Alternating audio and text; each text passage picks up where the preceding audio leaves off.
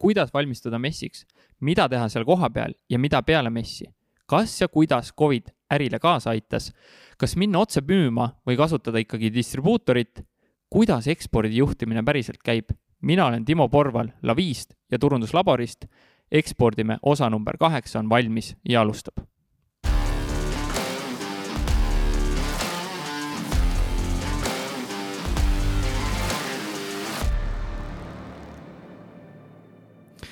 täna on külas mees, kes kingib meile ja teistele kodumaast kaugemal läbi Food Studio puljongite ja kastmete aega. sest kahtlen, et ükski podcasti kuulaja, kuulaja või vaataja paneks oma kaksteist tundi vaba aega puljongi keetmise alla, mina kindlasti mitte. selguse huvides lisan, et kõik tooted on naturaalsetest toorainetest, mitte need kollased keemiakuubikud. ühelt suuremalt toidumessilt Gulf Food toodi koju tiitel Most Innovative Organic Product. tema kolm sammast on pere gurmaanlus, mis on ka töö ning sport, milleks on kirg rataste vastu. ta on olnud võistlustel kuulsa triatleedi Marko Alberti ja teiste sportlaste isiklik kokk, sest teab, mis sportlasele sobib ja ilmselgelt teeb ka selle väga maitsvaks. usun, et neid tulemussportlasi kõrvalt nähes on tekkinud ka endal see mentaliteet, et lihtsalt starti minna ja vimpel võistluse lõpus saada pole mingi teema alati maksimum. kui vaja, siis saab sõidetud ka telki, kus on ees ootamas teised tegijad, kes on sel päeval vähe üle pannud. ta toob kokku inimesed, kes tahavad asju ära teha ja on positiivses mõttes hullud kes täna mõtleb, et mida süüa teha, siis minge kindlasti foodstuudio.ee lehele, kus leiate ikka väga suure koguses retsepte, millele peale vaadates tundsin, et isegi minusugune võhik saab sealsete roogadega hakkama. Helgor Marko, tere tulemast podcasti Ekspordime. tere hommikust tahad sa siia midagi lisada, täpsustada? ma arvan, et siin on kõik öeldud. kõik, võime, võime koju ära minna. me võime koju minna, et nii lihtsalt ma sind ära ei lase, kui sa siit stuudio uksest ikkagi sisse tulid. kui sa peaksid tegema sellise lühiülevaate, millega te tegelete ja kus te selle aastate jooksul nagu tulnud olete siis? noh, siis vist aus oleks alustada üks, üksteist aastat tagasi, eks, et kui, kui Food Studio sai loodud kui, kui hobi ja, ja täna on sellest ikkagi saanud nagu, see ei ole enam hobi, et, et viimasel ajal on see ikkagi kogu elu ja, ja töö ja, ja veel kord elu, eks, et aga noh, ma, ma julgeks öelda, et ma olen üks, üks vähestest võib-olla jälle, et kes, kelle hobi ja töö ja armastus on üks ja sama, eks, ja, ja see mind tegelikult täna nagu tee peal hoiabki, et aga, aga jah, tulles tagasi Food Studio juurde, siis see sai tehtud äh, mu partner Indrek Kivisaluga, kes oli tollal väga hea sõber ja me tegime ainult seda seepärast, et meil lõbus oleks ja me tahtsime teha sõpradega toidukoolitusi, juua veini, õpetada inimesi süüa tegema. ja, ja me pidime tegema neid iga, iga nädal siis ühe, et maksta ära see üür ja maksta ära see investeering ja, ja me tegime esimene aasta vist, ma ei mäleta peast enam, kas sada, sada viiskümmend üritust. et ja siiamaani iga aasta on meil neid kakssada suurusjärgus, et, et hobist sai hästi kiiresti nagu äri tegelikult, et ja noh, see on nagu ma ütlengi, et ühelt poolt hästi suur pluss, teiselt poolt hästi suur miinus, eks, et. Aga kust need tooted nagu tulid ühel hetkel, et? jaa, tooted tulid sihuke neli aastat tagasi, noh, neli aastat tagasi me lõpuks launch isime need, eks, aga, aga tegelikult mu peas olid need ka varem, et sest me Food Studios ise pidevalt ju keetsime neid puljangeid ja kasmeid ja, ja see oli, see oli hästi tülikas töö, et kui sa pead ikkagi õhtul selle puljangi keema ja hommikul on ta siis valmis ja, ja, ja noh, ega seda tagasisidet tuli ka, et kliendid hakkasid küsima, et kus me saame seda, kus, miks me ei saa osta või punase veini kastet, jube hea, et uh, kuidas seda tehakse, noh, siis räägid, see on ülilihtne, sa röstid need kondid ja siis sa nagu keedad mingi kakskümmend tundi ja siis sa keedad veini alla, siis paned need kokku ja jälle keedad ja siis noh, keegi ei viitsi juba enam kuulata, et okei okay,, las ta jääb. Ja, ja sealt see idee tuli, et, et proovida,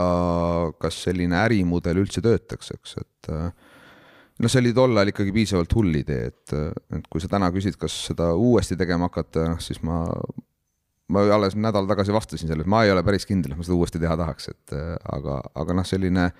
teadmatus on teinekord hästi põnev, et kui sa hakkad mingi ideega pihta, mis sulle õudselt endale meeldib, inspireerib, ja siis sa lähed ja lähed ja lähed, aga noh, tegelikult sa nagu paned orav rattas, eks, et äh, ja, ja, ja see on tore. miks sa enam seda uuesti tegema ei hakkaks? noh, vaadates neid halli juukseid mu peas, siis et äh, ma ei tea, võib-olla, võib-olla ma olen nagu muutunud äh, rahulikumaks, saanud vanemaks, et äh, aga noh, tol ajal ka Indrek aeg ütles, et, äh, et ega sa oled hull või, või selles suhtes, et kutsus mind maa peale nagu tagasi pidevalt, eks, ja noh, ega seda toiduaine tootmist äh, tegema hakata, noh, see, see ei ole kõige lihtsam idee, kõige odavam idee võib-olla, et äh, aga kas peab alati lihtne olema, eks? Nii on. Äh, kui sa ütled, et sa oled maha rahunenud, siis ma tegelikult ikkagi nagu päris lõpuni ei usu sind, siis muidu te ju müüksite siin Eestis neid asju. kuhu te välja nendega täna murdnud olete? ja ei no selles suhtes, eks see maha rahunemine on ka nagu, seda saab mitut moodi mõista, eks, et aga, aga võib-olla nagu ma olen teadlikumaks muutunud oma tegevuste osas siis, eks, aga täna me ekspordime ikkagi päris palju Soome-Rootsit. Äh, Taani on lisandumas väga jõuliselt, Islandit müüme, äh, vahepeal olime Hispaanias ja noh, siis muidugi nii-öelda ka teiselt poolt Läti, Leedu, Poola, Ukraina, et, et ikkagi juba nipet-näpet liigub. ka väga hästi ju ära kaetud no riike on nagu tulnud nagu palju või noh, nagu mitmeid, aga noh, ega need müügid ei ole nüüd seal siis ka sellised, et äh, Eesti on ikkagi meie nii-öelda koduturg ja täna on see niisugune eksport ja, ja Eesti on niisugune seitsekümmend, kolmkümmend Eesti kasuks siis. Kindlasti on seda nagu noh, hiljem kindlasti me räägime Covidist, eks, et aga noh, mu eesmärk oleks, et see oleks kindlasti vastupidi. aga, aga noh, tänu sellele Covidile me oleme nagu oma koduturgu ikkagi ka väga jõudsalt ümber vaadanud ja teinud nagu korrektuure. et äh,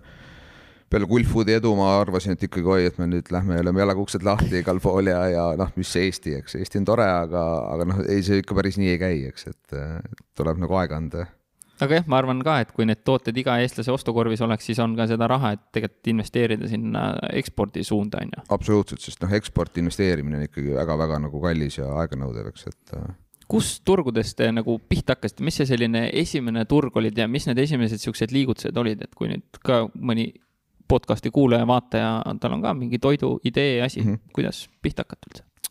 noh, ma täna kindlasti soovitaks alustada messidest, et, et meie puhul on need messid andnud nagu kõige parema tulemuse ja, ja me oleme päris palju messidel käinud eh?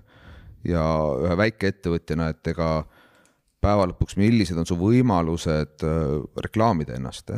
et ega, ega ükski riik, Soome, Rootsi, noh, kaugemale ka, ega keegi ei oota sind oma puljangitega sinna, et ega neil ei ole neid vaja ju noh, tegelikult neil on, aga nad ei saa aru veel sellest, et neil on vaja neid, aga, aga noh, ikkagi see esmane, eriti siuksed konservatiivsed riigid, eks, et ega noh, mitte keegi ei oota sind sinna, et sa pead leidma ikkagi sealt samasugused hullud, heas mõttes hullud nagu vastu, kes on vaimustuses su tootest, kes usuvad sind ja kes tahavad nagu midagi ära teha. ja noh, tegelikult ka see mõtteviis on meil olnud hästi palju siis äh, distributsioonipartnerite valikutele, et, et võib-olla meil on lauas olnud teinekord väga head suured ettevõtted, aga olla seal, kui neil on kakskümmend tuhat SKU-d juba listis, olla veel nagu noh, oma viieteist tootega, siis, siis ma pigem ei usu sellesse ja, ja me oleme noh, me oleme ikka hästi palju tagumikutunde järgi neid distributsioonipartnereid ka valinud, et siiamaani me ei ole liiga palju eksinud, et aga jaa, pikk jutt lühidalt, et messid. Lähekski korra nende messide juurde, kuidas teil see messi, jälle messile võib minna ja oma putka püsti panna ja siis noh, tuled tagasi ja nagu ei saanud kontakte või mingid visiitkaart, kuidas, kuidas teil kogu see protsess on, mis selle tulemuse siis lõpuks nagu ära toob seal messidel? Mm, noh, kõik äh, targad inimesed räägivad, et enne messi tuleb hirmsasti tööd teha ja proovida saada kohtumisi hästi paljude kettide, distributsiooniettevõtetega ja nii edasi, et äh, see kindlasti väga hea soovitus nagu nendele ettevõtetele, kes on juba noh, nagu meiegi täna, eks neli aastat toimetanud, nüüd loomulikult on hästi lihtne nüüd, et ma ei tea, me lähme Prantsusmaale messile, me anname kõikidele oma partneritele teada, nad on enamasti kõik seal, me kohtume. Väga, väga okei okay on nagu noh, nii-öelda nagu äri ajada niipidi nagu peaks, eks, aga kui sa oled nagu esimest korda lähed, siis siis kellele selle emaili saadad, et tere, et noh, mul see kanapuljang, et jube hästi tegime, et tulge nüüd vaatama, eks, et noh, ei tule keegi, eks, et ja, ja, ja see messide puhul ma mäletan, ma ei mäleta, kes see rääkis, aga ma mäletan seda juttu, et et kui sa lähed esimest korda välismessile, siis ega ükski siis selle riigi või, või keegi ei tule sinu, noh, sinuga juttu rääkima, et nad lähevad mööda, vaatavad, oo, mingi uus, uus ettevõte, mingid puljangid, okei okay,, lähevad mööda, eks. ja siis järgmine aasta või siis ülejärgmine aasta, kui see mess uuesti toimub, eks, et suuremad messid on üle, üle nii-öelda aasta toimuvad, eks siis äh, seesama nii-öelda ettevõte tuleb mööda, vaatab, oo, need kutid on ikka siin, vaata, et läks vaataks, mis neil on, eks. ja siis nii-öelda kolmas aasta, siis nad nagu võib-olla juba võtavad su visiitkaardi ja proovivad toodet ja et noh, mina ei uskunud seda alguses, mõtlesin, mis, mis jutt see nüüd on, et noh, te tüübid ikka ei tea ekspordist midagi et, et ei, me küll nii ei tee, eks, et me lähme ikkagi kohe nagu müüme ja teeme, toome tellimused koju ja, ja küll aga meil on olnud tegelikult üks hästi hea käekiri ja, ja et meil on eesmärk olnud igalt jumala messilt tuua üks püsiklient koju. Ja see on nüüd tegelikult ka õnnestunud, et me oleme saanud igalt messilt ühe partneri ja ma olen sellega nagu üüberrahul, et kui me nii suudame jätkata, siis on nagu, siis on nagu väga hea.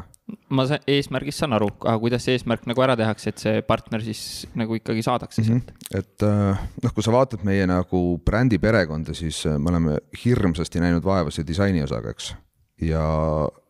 ja me oleme saanud väga head tagasisidet meie disaini osas, et äh,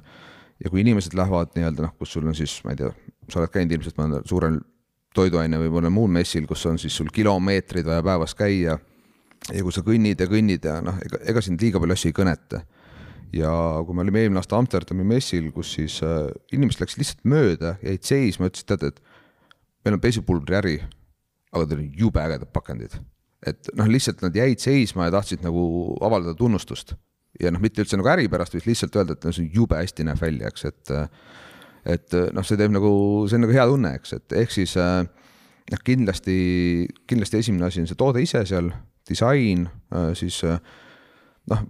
mida ma soovitaks veel kindlasti läbi käia, on igast EAS-i koolitused mida messil teha, mida mitte teha, et, et Gulfoodil ka käid ringi, vaatad Läti boks, eks ole, seal on nagu inimesed, üks inimene on nagu boksis siis ta teeb arvutiga tööd. Noh, et, kui nagu noh, et see on niisugune nagu abc, eks, aga kui sa ei ole seal kunagi käinud, noh, kus sa siis seda tead, et, et selles suhtes me nagu oleme need EAS-i asjad kõik nagu läbi ratsutanud ja, ja saanud nagu sellist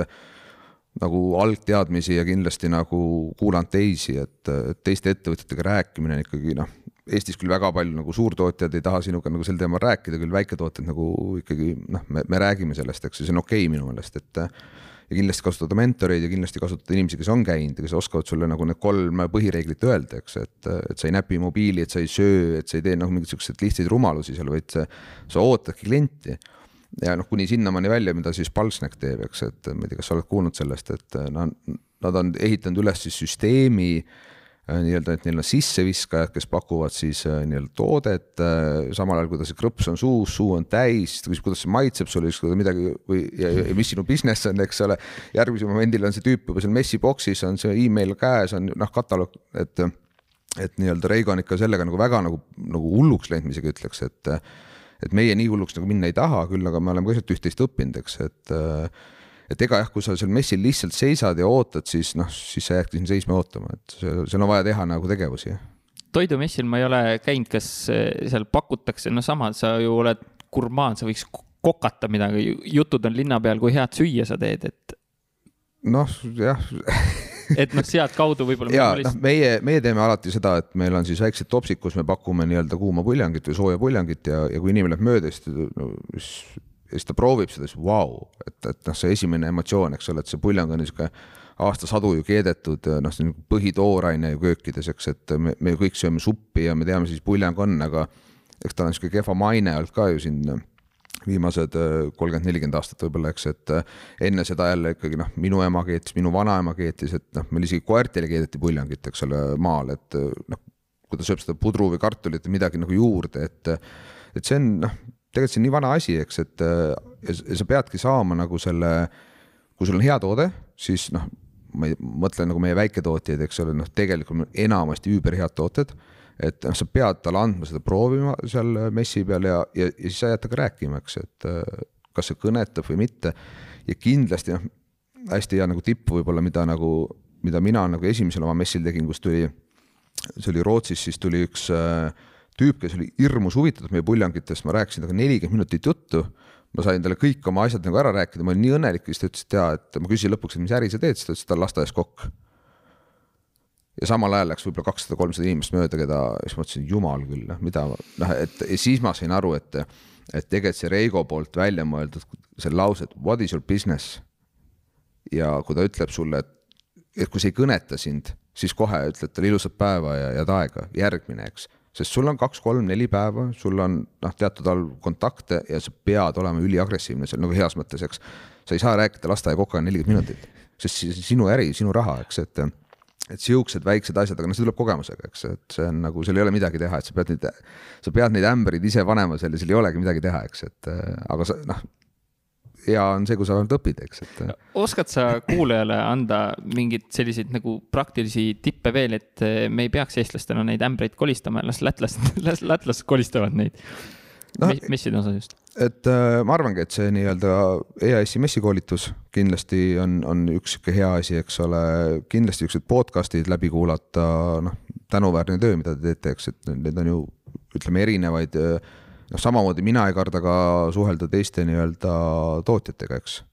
et, et äh, kuni mentoriteni välja, et ikkagi küsida, mis on need no, nipid, mis on need mõtted, eks, et äh, noh, teine asi, mida, mida mulle üldse ei meeldi, on see, et äh, see on võib-olla niisugune jälle, olen natuke teistsugune, mul on see sporditaust võib-olla, aga kui messidel on ikkagi,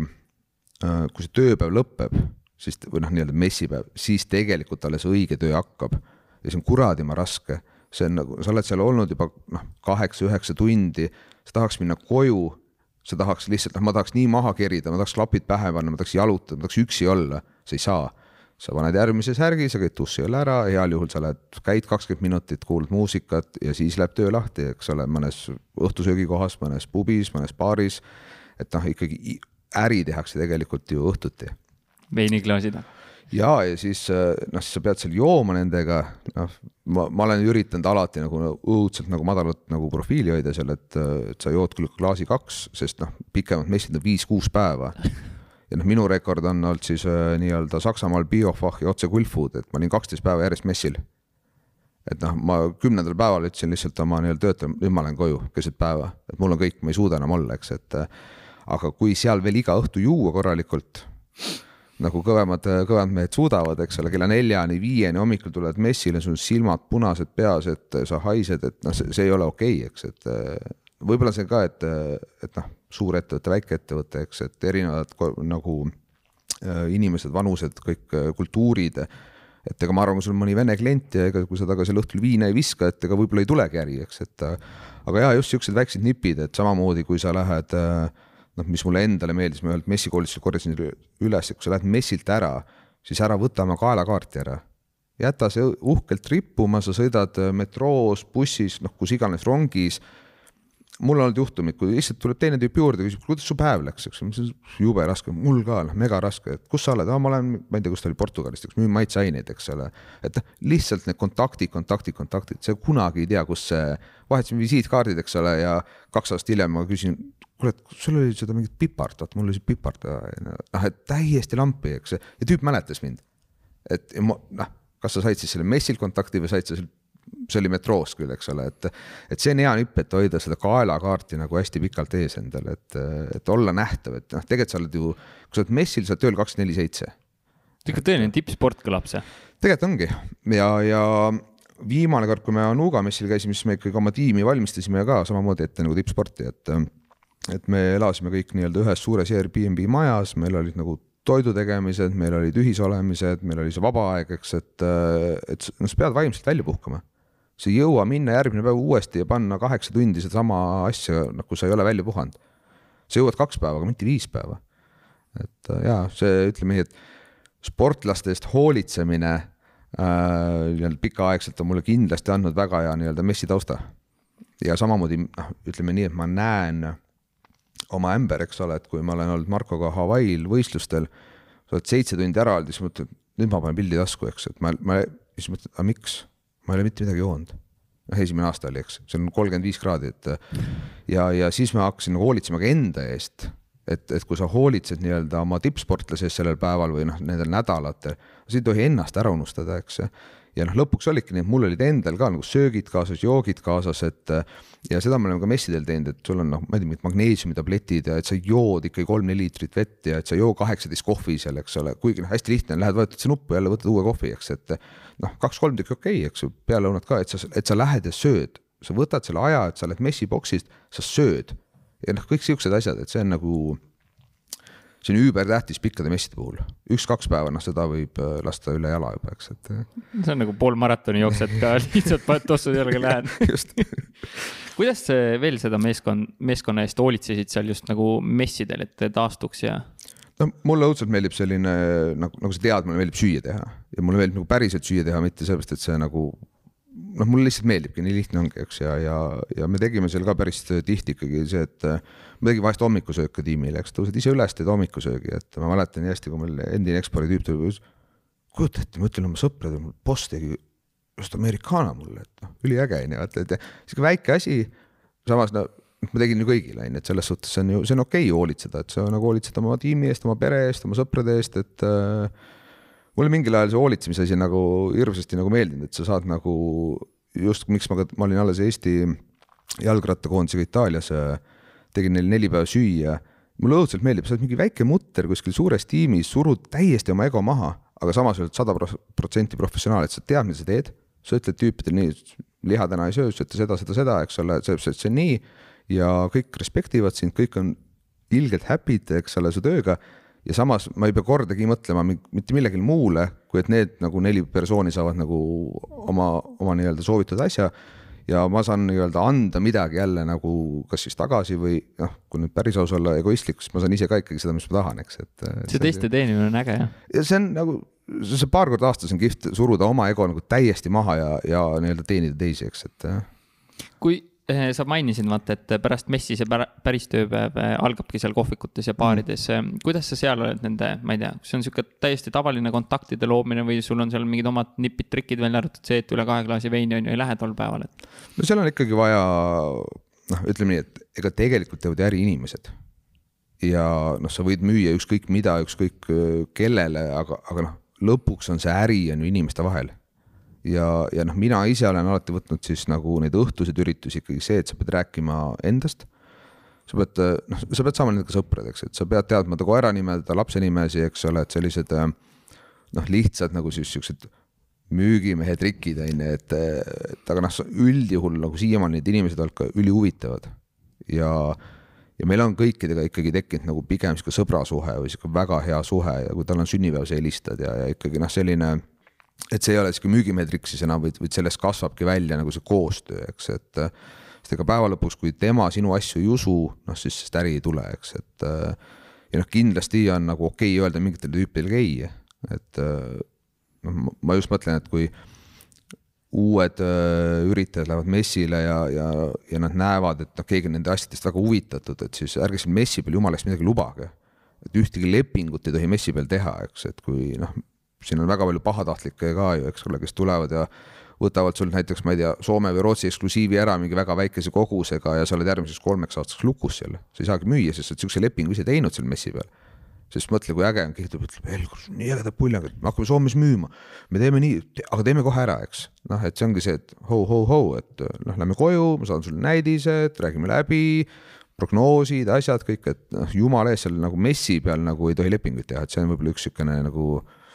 noh, muidugi lepingud on okei okay, allkirjastada, mis on eelnevalt nagu läbi töötatud, eks, aga, aga, aga just see mõte, et, et ei lähe seal nagu kohe nagu close ima mingeid asju võõraste inimestega, eks, et ja ega ükski nagu õige partner ei tule ka seda tegema, see on nagu selge, et ma ei ole veel ühtegi näinud, kes tuleks, ütleks kohe, et hakkame nüüd pihta, eks, et et see ikkagi pära-, noh, päris töö hakkab ikkagi peale messi, nagu päris töö. et see messi peal on sihuke show-off ja see on nagu lahe, eks, et aga, aga see raskem osa hakkab pärast seda aga ongi, sa oled nüüd seal Saksamaa messil olnud mitu-mitu päeva. mis jõuad koju Eestisse, kontorisse, mis saama hakkab? noh, siis on tegelikult nii, et äh, ütleme nii, et me tegelikult oleme suutnud juba õhtuti nagu panna päevad eraldi, me, me alati siis nagu tähtsustame kliendid ära. Äh, meil on äh, niisugune hea nipp on siis või, või sihuke hea vorm, ma arvan, et paljud teevad seda, aga on kontaktivorm et kui, sest noh, ütleme, kui on pikk mess, ega sa ju ei mäleta, kes sul enam käisid. see visiitkaart on küll, eks ole, aga, aga sa ei mäletagi, mis sa rääkisid, kes see oli, siis meil on siis kontaktivorm, eks ole, et mis riik seal mingid küsimused meie enda jaoks, me ise täidame seda, räägid kliendiga, samal ajal täidad, eks ole. ja siis me üritame siin alati panna tärni või nagu nummerdades ühest kolmeni, et kas kolm on siis kõige tähtsam, eks ole, või, või siis üks on kõige nagu sihuke, et noh, tead mingi restoran tahab seal riigis saada, et sa suunad ta pärast distribuutori juurde. aga kui noh, kolm on ikkagi noh, meie mõistes tuleb Selveri õige ostujuht. et siis me tegelikult ikkagi ei oota seda viite päeva ära, kuni me lähme koju ja siis ootame veel viis päeva, et siis me võib-olla paneme talle ikkagi esimese meili juba õhtul või, või järgmine päev, eks ole, et kuule, aitäh ja väga lahe oli ja ja et äkki ma saan sulle midagi kaasa anda või noh, sellised nagu top kontaktid ikkagi võiks seal messi peal kohe nagu läbi töötada. kiirelt, aga, aga pärast on see, et sa tuled koju, sa vaatad kõik need listid, eks ole, noh, sa peadki neile saatma kõigile personaalse meili, eks, et sa tänad neid. sa jõuad kas näidisteni, sa jõuad arusaamani, et kas, mida nad veel müüvad, et. et eks seal on ka nii, et mida suuremaks sa ise lähed, seda rohkem sa julged nendelt küsida. et kes te olete, kas teil on ladu, kas teil on see, kas teil on transport, kas te, kellele te müüte, mis on teie käibed, eks ole, et sul nagu, kuidas ma ütlen, no heas mõttes tekib mune mm, -hmm. et, et äh, hakata ka neilt nõudma, et noh, ma mõtlesin, kas ma räägin seda lugu või ei räägi, aga tegelikult see on hea lugu nagu, kuidas mina mõtlesin, et ma olen sihuke kõva mees ja et noh, mul on mingid tingimused ja nendest ma alla ei lähe. ja meil oli üks Soome klient, kes tuli siis messilt ja ütles, et äh, Soome mess tekkis niisugune kontakt, eks ole, ja, ja jõudsime ühe tooteni nagu special kaste, mida nad tahtsid ja, ja ma mäletan hästi, et see hinnastus oli niisugune sihuke alla kuue euro liiter, eks, ja siis mõtlesin, ma panen igaks juhuks sinna mingi kakskümmend senti otsa, enne kui see hinna ära saadan, eks ole, et noh, nagunii tingivad. ja panigi, ütleme kuus kakskümmend ja, ja, ja tüübid saadavad siis nagu mingi sekundiga meili tagasi, et ei, et hind on viis kuuskümmend. noh, mina olin sihuke viis üheksakümmend viis, et sihuke, siis mõtlesin, et ma ei tule alla, põhimõtteliselt ei tule alla, meil on nii hea toode, me teeme ausat asja, jätke. tüüp saadab lihtsalt ühe rea, et viis kuuskümmend, tekitab riivit. siis mõtled sihuke, okei okay ikkagi esimene välismaa klient ja noh, kogused suured ja teeme ära ikkagi, onju. ja siis mõtlesin viis kuuskümmend hind Tallinnas. et noh, toiduaineäris siis tavaliselt käib ka hind siis kliendi juures hind Tallinnas, eks, et, et see logistika maksab eraldi raha, eks. siis ma ütlesin, et hind Tallinnas viis kuuskümmend, sellised kogused, olen nõus. tüüp kirjutab vastu, hind Helsingis. siis mõtlesin nii, sellega ma enam nõus ei ole, tüüp ütles okei okay,, väga kahju, aga siis noh, me ei saa äri teha, et mul on sihuke hind ees. ja me müüme talle kolmandat aastat, viis kuuskümmend hind Helsingis ja ta on väga hea klient. aga noh, see on see lugu, kuidas ma mõtlesin, et mina nagu oma pükse alla ei lase ja ma ei ole nõus sellega. aga noh, siis tuleb nagu, nagu päris klient ja noh, sa, sa teed neid asju, eks, et aga samas jälle me suutsime omal ajal nagu Rootsi ICA-le ära öelda, et äh, ma arvan, me oleme Eestis üks ainuke toiduaineettevõte, kes on Rootsi ICA-le ei öelnud, et äh, peale nelja, nelja nii-öelda kuust läbirääkimisi, siis nad surusid hinnani alla, ma ütlesin, me ei tee. et see ei ole meie ärimudel, et me ei taha toota miljon ühikut kuus ja me, me ei saa teha seda kõik. ja nad olid väga üllatunud, et, et, et ehk noh, sa pead selle positsiooni nagu kehtestama, et sa ei saa nagu päeva lõpuks sa pead nagu tegema kalkulatsioonid, eks. et kus, kus need piirid jooksevad ja sa ei saa minna alla lihtsalt. et ma tean, et eestlased tahaks teha seda, et noh, mul endal ka see esimene lugu, eks, et aga noh, meil oli seal ka juba hea kasum sees, et aga see lugu ikkagi, et noh, nad tahavad osta, et mõtle, müüme, müüme, et vaatame pärast, mis saab pärast ei ole võimalik hinda tõsta, et ma olen selle Soome müünud kolm aastat viis kuuekümnega ja ma ei saa hinda tõsta. samas see klient on meile väga nagu hea, ta annab ikkagi täna meie nagu ekspordikäibest seitse-kaheksa protsenti, eks. maksekäitumine on nagu eeskujulik, kõik on eeskujulik, et selles suhtes nagu noh, ma väga õnnelik, et me tegime selle diili, eks, et aga noh, seal tuleks nagu alati seda nagu kaaluda, et, et pärast on nagu väga raske midagi muuta kas, kas sa tead üldse mõnda lugu, kus tagantjärgi on võimalik seda hinda tõsta teenusäris, me ise tunnetame täpselt sama, et noh. ei, ega väga, noh, ütleme nii, et me, eks mingi aeg tuleb neid hindu nagu korrigeerida, eks, et kui sa vaatad nagu tooraine tõusu, palgasurvet, kõik, kõike seda poolt, et noh, kütusehinnad, elektrihinnad, eks, et aga, aga noh, me räägime ikkagi komakohtadest et, et, et kui me räägime, kas ta on nagu üks kaheksakümmend kolm või üks kaheksakümmend kaheksa, et noh, aga noh, kui sa juba pead nagu sellist tõusu tegema, siis see näitab, et sul on ikkagi matemaatika all nagu ikkagi keeruline, eks, et et noh, toiduaine, ütleme suurtööstuste nagu äris on ikkagi need marg-, netomarginaalid ikkagi väga-väga madalad, eks, et seal on see tähtis kindlasti, väikeettevõtluses ma arvan, et see on natukene nagu lõbusam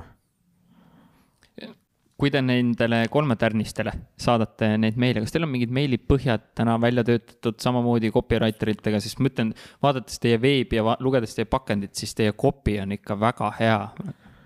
noh, selle copy'ga oli ka tegelikult nii, et äh, kui me nüüd disaini au siis kuulub enamasti või mitte enamasti, tegelikult vale öelda, sada protsenti Reflexile, eks, kellega me oleme seal alguses, esimesest päevast koostööd teinud ja, ja, ja meil on ikkagi väga hea suhe, eks ja mulle meeldib, kuidas nad hoiavad, tegelikult kuidas nad on harinud mind ennast selle disaini osas ja, ja me ei lase teinekord, kui sealt ka tuleb midagi kiiresti, siis me ei lase läbi üldse neid asju enam ja, ja nemad hoiavad mind, mina neid, et see tee on nagu jube äge ja see protsess. siis tekstide osas me läksime üks aasta tagasi Typhooni juurde ja ütlesime, et kuulge, et, et meil on nagu megatoode, meil on megadisain aga need tekstid, mis me siin ise oleme kirjutanud, noh, need on tegelikult nagu pläma. Ja, ja siis nad vaatasid selle asja üle ja nüüd me oleme, minu arust on juba pea aasta või, oleme teinud ja noh, tegelikult mulle nagu meeldib see, et, et see on nagu, nad jagavad seda asja ja see, noh, seal samamoodi, eks see on koostöös, on, me oleme kasvanud ja aga mulle meeldib justkui see, et see ei tule kõik ühest kohast, et sa hoiad neid asju eraldi. tööd on endal tänu sellele kolm korda rohkem. aga noh, tulemus on kõik on nagu suurepärane, eks, et, et noh, kui sul oleks kaksteist tundi vaba aega, eks ole, kui ma esimest korda neid kopisi nägin, ma olin, ma mäletan seda hästi, ma olin reede õhtu diivani peal, ma hirmusin nagu lihtsalt segane, eks ole, naine küsis, mis sul viga on, ma ütlesin, ma loen meie kopisi, eks, et. ülimõnusa sellise touch'iga, et kindlasti kõikidel turundajatel käige Food Studio lehe peal ära ja vaadake, et on palju õppida. ja et noh, tegelikult sa selle pakendi kätte võtad, et noh, ma ei tea, kui palju sa tead näiteid, kui sa võtad pakendi kätte ja see kõnetab sind, noh, mina ühte tean, eks ole, muu, et kas sa tead veel kedagi ja kiirelt nagu ei, ei, ei tule. ei tule kohe, et, et noh, natuke oleks naljakas, aga samas sõbralik ja ei oleks ülbe ja, ja et sihuke noh, et kui sa seda kanapuljangit ostad, sa ostad ju nagunii seda, ega sa seda teksti pärast ei osta, aga samas, kui sa võtad selle paki kätte ja seal on mingi hea huumor või mis korra paneb sind naerma, et tegelikult või, või annab sulle hea kiki, et tegelikult, tegelikult on see tore, eks. muidugi, noh, sa annad sinna mingit lisaväärtust ja see on täpselt see, et on suurem tõenäosus, ma võib-olla soovitan sõbrale ka, et kuule, vaata nagu tõesti mm -hmm. nagu hea nurga alt kirjutatud, on ju. Mhm. aga, aga nad on need meilipõhjad ka aidanud teha või? Me tegelikult ei, ei ole veel nagu meilipõhjadeni jõudnud, sest äh, meil ekspordi osas oli nii, et äh, meil Covidi ajal oli siis nii-öelda inimeste vahetus, et äh,, et vahetasime ekspordijuhti. sest no see on ka pikk lugu, aga pikk lugu, pikk äh,, pika loo moraal oli see, et Elgor ütles, et ma ei võta ühtegi inimest toiduainetööstusest meile tööle sest toiduainetööstus inimesed on ära rikutud suurtootjate poolt, nende mõtteviis on vale ja nad ei jaga biiti. Nad on oma mullis kinni, eks ole, ja et me võtame inimesed, kes tunduvad ägedad, õpetame neid ise ja, ja kahe-kolme aasta pärast on see tulemus kaks korda parem. noh, siis esimest korda selles suhtes me tegimegi need otsused nii, otsisime nagu väga hea inimese ja lihtsalt see kannatlikkus ja, ja see tulemuste toomine siiski läks nagu noh, pikemaks, kui ma oleks eeldanud, eks. ja, ja, ja kõige suurem nagu viga, mis me tegime, oli see, et me ei näinud seda passion'i inimese palkamises, et äh, väga hea inimene, töötaks kindlasti väga hästi selles äris, kui see äri toimiks, aga just see passion'i ja see pool on, oli nagu noh, see lihtsalt jäi puudu ja see, kui inimese nagu, kuidas ma ütlen, passion ei ole toidu tegemine, siis noh, ega siis ei olegi, siis nii lihtne ongi ja sa võid olla väga hea Exceli inimene, väga hea projektijuht ja kõike muud teha, aga kui sul seda ei ole, siis on nagu raske, eks. ja, ja uus inimene on siis juhtumisi toiduainetööstusest suurest kõlab nagu see Soome lugu natuke. natuke küll ja, aga, aga, aga passion on ja tulemused on ja, ja ma olen väga rahul, eks, et, et, et täna siis tema nii-öelda kogu meie selle meilindusega ja, ja ekspordiga toimetab ja ega ta mind väga palju ei, selles suhtes ei, ei sega. et, et meil see tiimiehitus noh, see aasta meil ikka see tiimiehitus läinud täiesti nagu, nagu pööraseks, eks, ja, ja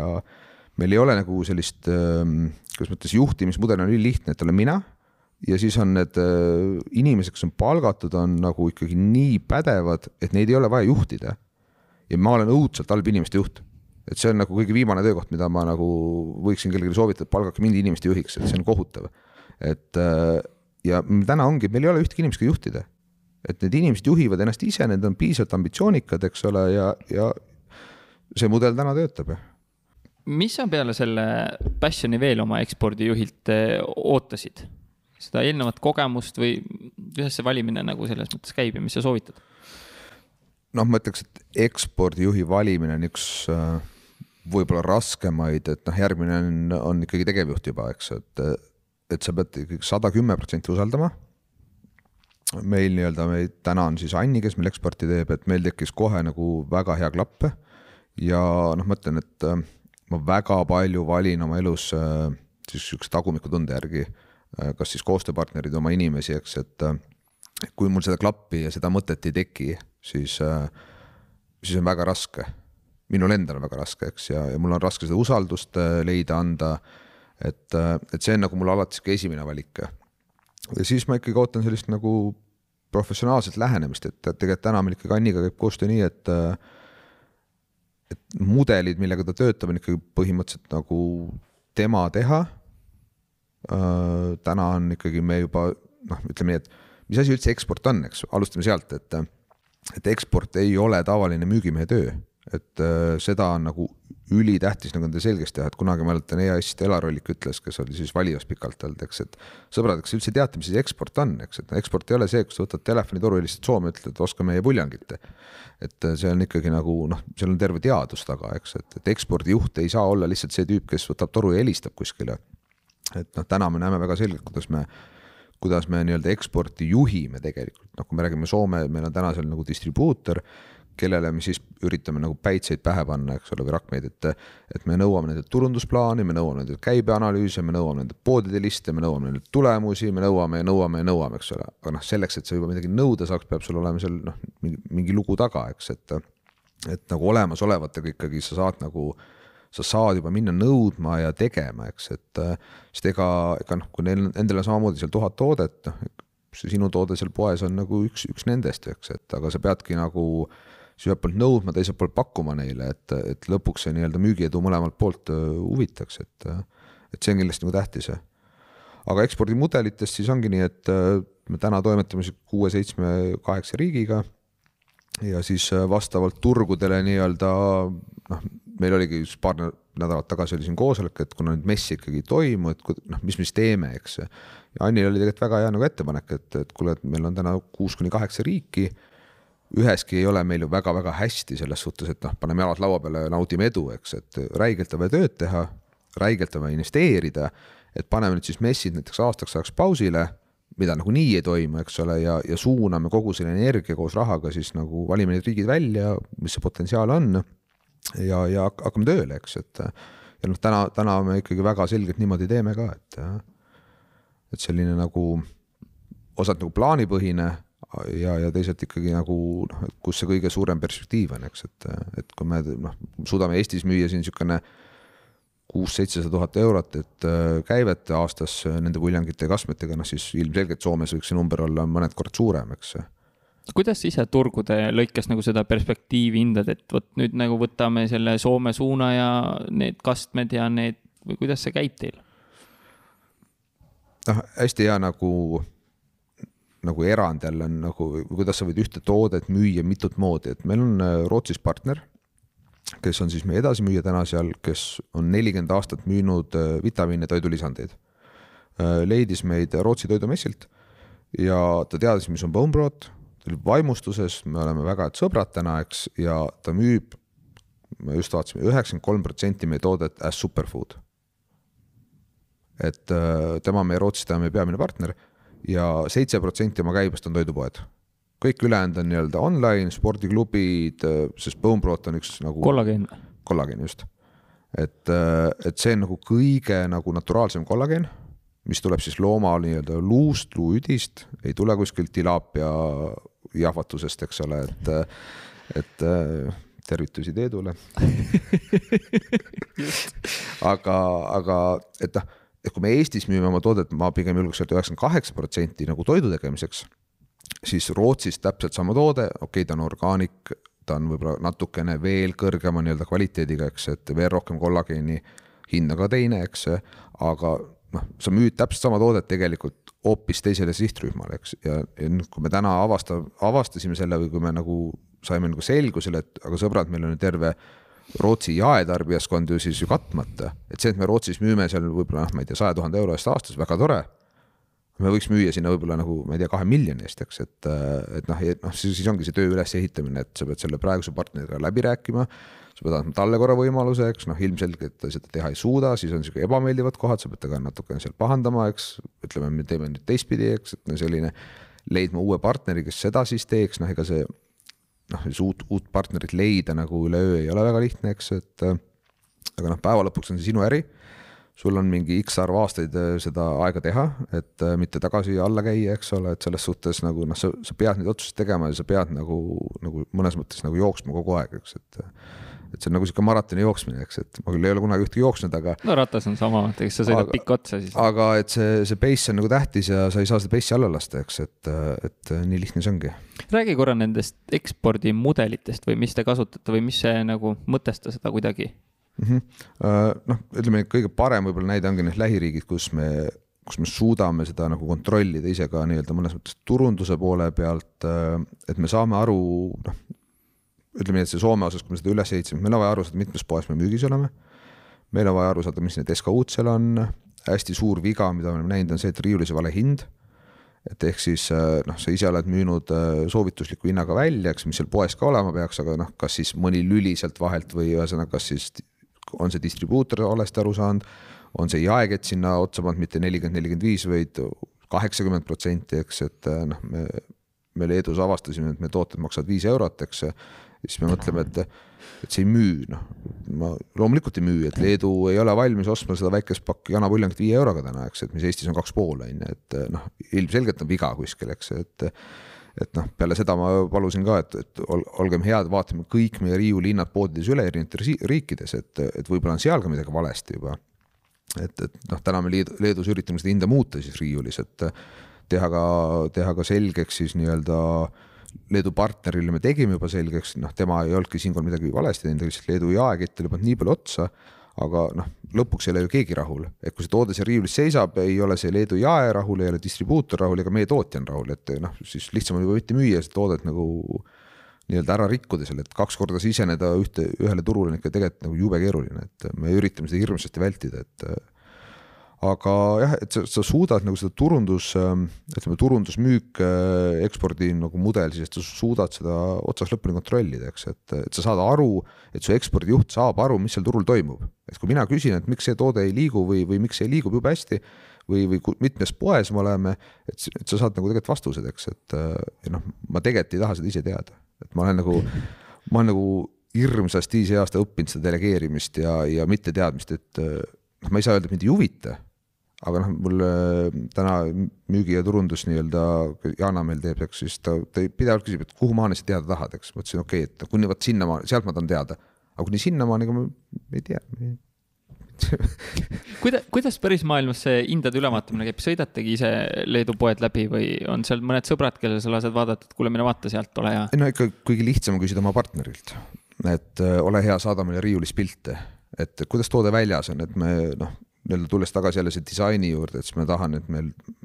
mu lugu on nagu see, et see toode peab olema väljas kindlasti juur- ja puurvilja, puuviljaosakonnas. see, sellepärast et kui sa hakkad täna nii-öelda, noh, seal on kaks, kaks nagu poolt, eks, et kui sa lähed nagu poodi,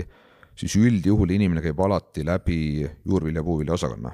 ja üldjuhul on need poed nii ehitatud, need on suht alguses, alguses toidu mõttes just, eks. ja teine mõte on see, et kui sa näed nagu puljangit sul tekib mõte nagu Eesti mõttes just näiteks, et teeks täna suppi, siis äh, sa võtad kohe sealtsamast noh, kas sibulat, porgandit, noh, name it, eks. kui sa paned selle, selle toote valmis toitu, mis on siis poe kõige nagu viimane osa nii-öelda kliendi jaoks ja sa näed seal puljangit, kas sa lähed tagasi võtma siis porgandit, kartulit, pastat, riisi, liha, mida iganes? homme. just, sa ei osta seda. ja, ja noh, eks meil on siin nagu Eestis ka kõvasti selles osas vaidlusi olnud, et eh, noh, nii-öelda eksportturgudel on see veel raskem, et dikteerida, kuhu sa oma toote paned. et meil täna on siiamaani ikkagi osades poodides on see pilla-palla, eks, et eh, ka klientide jaoks on see hästi ebamugav, et osades poodides on see väga nagu viis pluss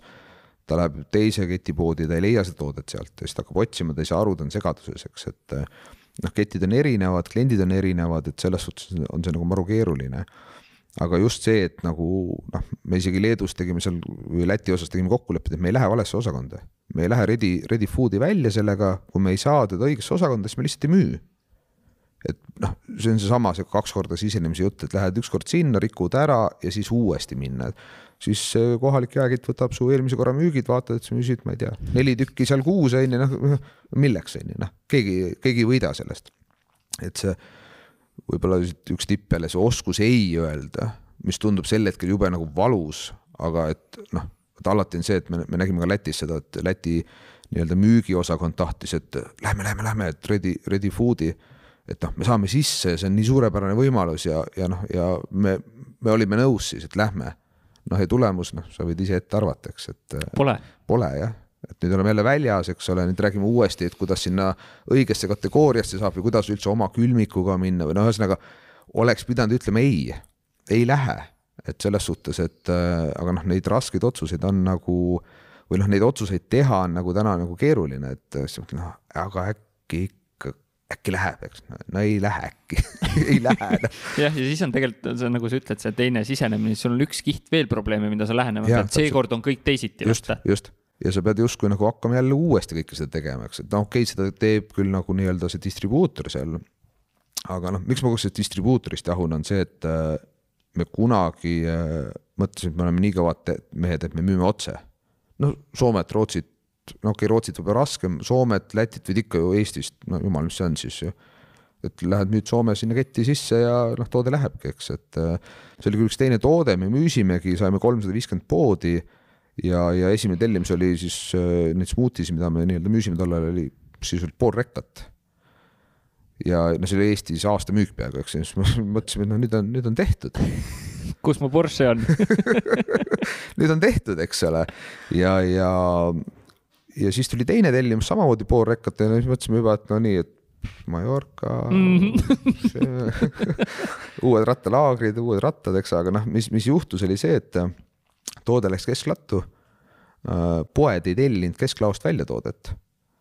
ja noh, meie siis nagu lõpuks, kui me sellest aru saime, et tegelikult toode on kesklaos. ja viies poes, mitte kolmesaja viiekümnes siis me sõitsime esimese laevaga Soome, hakkasime neid poode ise läbi käima, et noh, palun tellige ja noh, seal natuke sa pead nagu käima juhendama, neid aitama, eks ole, et see on noh, põhiline müügitöö, noh sisuliselt müügitöö, eks. et sul on läbi kesklao küll olemas kõik ja siis me jõudsime selle kahekesti seal, seal kahe päevaga käia kuusteist või kaheksateist suurt poodi läbi, sest need on nii suured, need asuvad nii kaugel üksteist, me saime aru, et kuulge, see on, see on nonsense. ja, ja noh, täna mina ei näe ühtegi nagu paremat ärimudelit, ütleme noh, online on eraldi, eks ole, kui see toode kannatab, aga, aga ainult kohalik distribuutor. sest mis seal on, on A on kontaktid, sest see kohalik Mati teab seda kohalikku seda tüüpi ta läheb sinna poodi, ta müüb talle veel sada toodet, eks ole, või ta käib, aitab välja panema, sest nad on sõbrad, nad on seda kakskümmend aastat koos teinud juba, eks ole, need kontaktid. no kujuta ette, kuidas sa siit lähed nüüd, ma lähen mingi Helsingi suurde poodi oma nii-öelda noh, ma soome keelt ei taha rääkida, ma oskan, aga ma räägiks pigem inglise keeles. noh, kui ma lähen hakkan inglise keeles rääkima, siis nad ehmatavad ära seal, eks ole see ei tööta. mingi vend oma kastmetega. just. tšau. noh, just see, see ei tööta, et äh, lihtsam on nagu noh, lihtsam on ka vale sõna öelda, aga, aga noh. mõistlikum olen, ainuõige mudel on nagu vähemalt meie äris kindlasti distribuutor ja, ja läbi nende. et äh, ise siis üritad nii-öelda neid kamandada, juhtida, jooksutada. Need, nende Beats ja Präänik on siis turundusplaan, milles siis nad saavad nii-öelda kulutada, eks ole, et mida rohkem nad müüvad, seda rohkem nad saavad kulutada. nii-öelda reklaami ja turundamise peale ja noh, päeva lõpuks see peaks ju kõik siis nii-öelda rahasse ümber arvutatuma. noh, nii-öelda see, see lõppresult, eks, et äh, aga siit Eestist siis neile annate turundusraha ja turundusplaani, mida teha, visuaalid, tekstid või kuidas see turunduspool, turundustugi neile nagu käib mm? -hmm. Uh, noh, üks asi, mis me veel oleme siis teinud, mis on võib-olla sihuke väikestele tüüpidele hea nagu message on see, et me oleme igasse riiki läinud uh, siis kohaliku label'iga et ehk kui meil on siin, siin on laua peal ka näha, et on, on kanapuljang, mis siis on eesti keeles, aga samamoodi on siis näiteks seesama kanapuljang on Soome jaemüügis täiesti soomekeelne. et, et sellel tarbija, lõpptarbijal tekiks siis nagu selline hea ootus, et see võib olla küll jälle siis kodimaine on tema jaoks, aga see on ikkagi noh, me oleme pingutanud tema jaoks. aga bränd on Food Studio on ju? bränd on ikka ja mm, -hmm. ja bränd on Food Studio et, et me ehitame ikka igal pool, üritame ehitada oma brändi. et äh, me oleme nõus ka tegema go-brändi, aga private label'it nagu liiga palju teha ei taha, et äh, see private label peab jube-jube hea olema, eks, et, äh, et minna seda puljangit või kastet keetma kellegi teise nii-öelda kaubamärgi alt, et see lõpeb varem või hiljem küsimus on, no tegelikult ei olegi küsimus, et millal, tähendab, kas see lõpeb, küsimus millal see lõpeb, eks, et aga, aga jaa, siis ongi see kujundused meie poolt, eks ole, kõik materjalid, nii palju kui meil on meie poolt, sest noh, meil on materjali ju meeletult, eks, et, et see tugi on, ma arvan, meil päris kena. ja nemad siis peavad nii-öelda poesiseselt, et, et noh, tegelikult on see sihuke üldlevinud äh, nagu siis eesti keeles ärimudel, et äh, et tootja toetab siis brändi ülesehitust äh, poeväliselt distribuutor siis kõik, mis on poesiseselt, et meil on tegelikult Eestis sama mudel, et Eestis on meil Abestock on distribuutor, et nii-öelda me astusime sellest ärist ka ise välja, et me oleme nüüd ainult tootjad. kõik, mis on poe sees, on Abestocki teema. Nende inimesed aitavad, teevad, lepivad kampaaniaid, meie nii-öelda teeme co-branding ut, eks ole, tele, raadio, mis sotsiaalmeedia, noh, nii-öelda kogu siis F või selle food stuudio nii-öelda kaubamärgi bränding on nagu meie teha, poesisesed tegevused kõik nende teha, et hästi nagu, hästi lihtne nagu ärimudel, eks, et niisugune tundub nagu aus selles suhtes, et nemad saavad kontrollida, mida nende inimesed poes teevad, meie kontrollime ülejäänud brändi, eks, et ja noh, see töötab päris kenasti, et ja sealt siis see nii-öelda eelarve tuleb ikkagi nagu läbimüükidest, eks, et küll nagu noh, nii-öelda see tavaline ärimudel ekspordi puhul on niisugune, ma, ma kujutan ette, niisugune kolm kuni viis protsenti, eks, sellest käibest siis, et on siis turundusraha, noh, mis on nagu mõnes mõttes naljakas, et kui me täna Soomes või Rootsis tahaksime saja tuhandest müüa, et siis me saame seal kolme või viie tuhande euro eest siis teha turundust, noh, see on nagu, ostad kaks nagu mingit kohalikku blogipostitust, on kolm-neli tuhat läinud, eks, et et noh, mul ongi näiteks hästi, hästi hea näide, mul täna õhtul on siis ühe oma mentoriga niisugune pikem koosolek sel teemal, et kui palju oleks mõistlik investeerida siis. et noh, mul täna turundus või mitte turunduse, siis nii-öelda ekspordijuht Ann ütles, et tema on prognoosinud Soome, et järgmine aasta viisteist kuni kakskümmend protsenti turundust. noh, minu mõte on see, et see on niisugune hull võib-olla, aga mis oleks, kui me saame korralikku listingut, paneme viiskümmend protsenti. et investeerime oma järgmisse kahe-kolme aasta kasvu lihtsalt kiiremini, et boost ime seda. ja nüüd mul olekski vaja nagu siis niisugust kolmandat arvamust, et, et mis sellest siis nagu, ma ei tea täna mul ei ole, mul ei ole seda ämbrit läbi kolistatud. noh, ma, ma olen nagu kärsitu, et ekspordis kärsitu olla on nagu kehva, eks ole, sellepärast ma seda eksporditööd igapäevaselt ise ei teegi. aga ma tahaks nagu kiiresti tulemusi, sest me nagu Eestis oleme justkui neid saavutanud, eks ole, et äh, me oleme ehitanud nagu kolme aastaga või nelja aastaga nullist täiesti uue kategooria. ja, ja noh, tahaks hirmsasti seda edulugu ju minna ja nagu äh, teha teistes riikides ka noh, see ei, see paraku nii lihtne ei ole, eks, et, et noh, siin ongi nagu küsimusi jah, et et noh, hea lihtne matemaatika, et kolm tuhat eurot siis ekspordi või turundusraha siis nii-öelda kohalikule distribuutorile, kes siis saaks selle eest osta kaks reklaami heal juhul, et noh, see ei anna ju mitte kellelegi mitte midagi. kõrbesse suts nagu just, lihtsalt just. palada vett. et, et noh, siis, siis ongi see küsimus, et kui palju see on nagu normaalne, eks ole, mis, kui palju ja minu esimene küsimus oli, aga kui palju distribuutor investeerib et äh, fine, me paneme viiskümmend protsenti, kas te panete teise viiskümmend, et noh, võtame siis mõlemad nagu äririskid, investeerime, proovime, eks, et kas, et see peab kindlasti olema nagu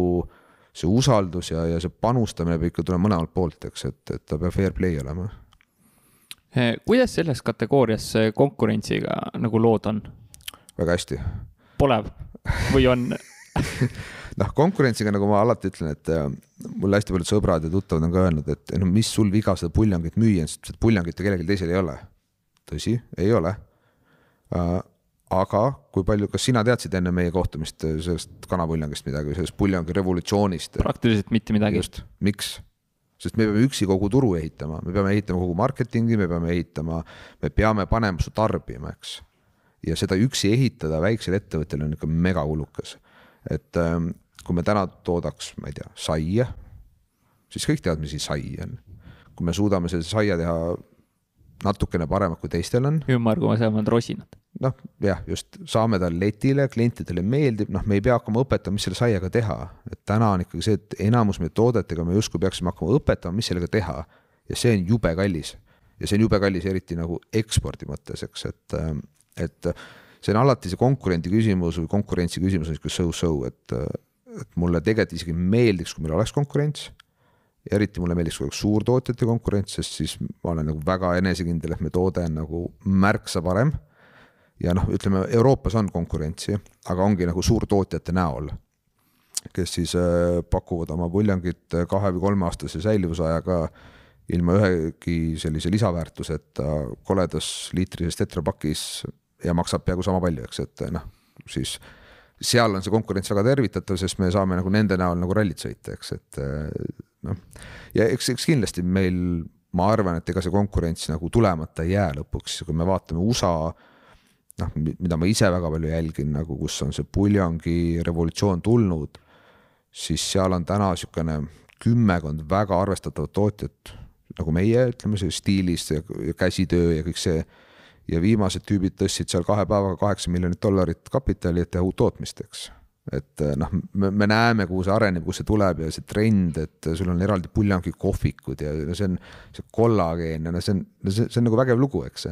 aga me ei taha ise ainult sellesse puljongisse kinni jääda, et, et meil on puljong on nagu meie niisugune nii-öelda põhi,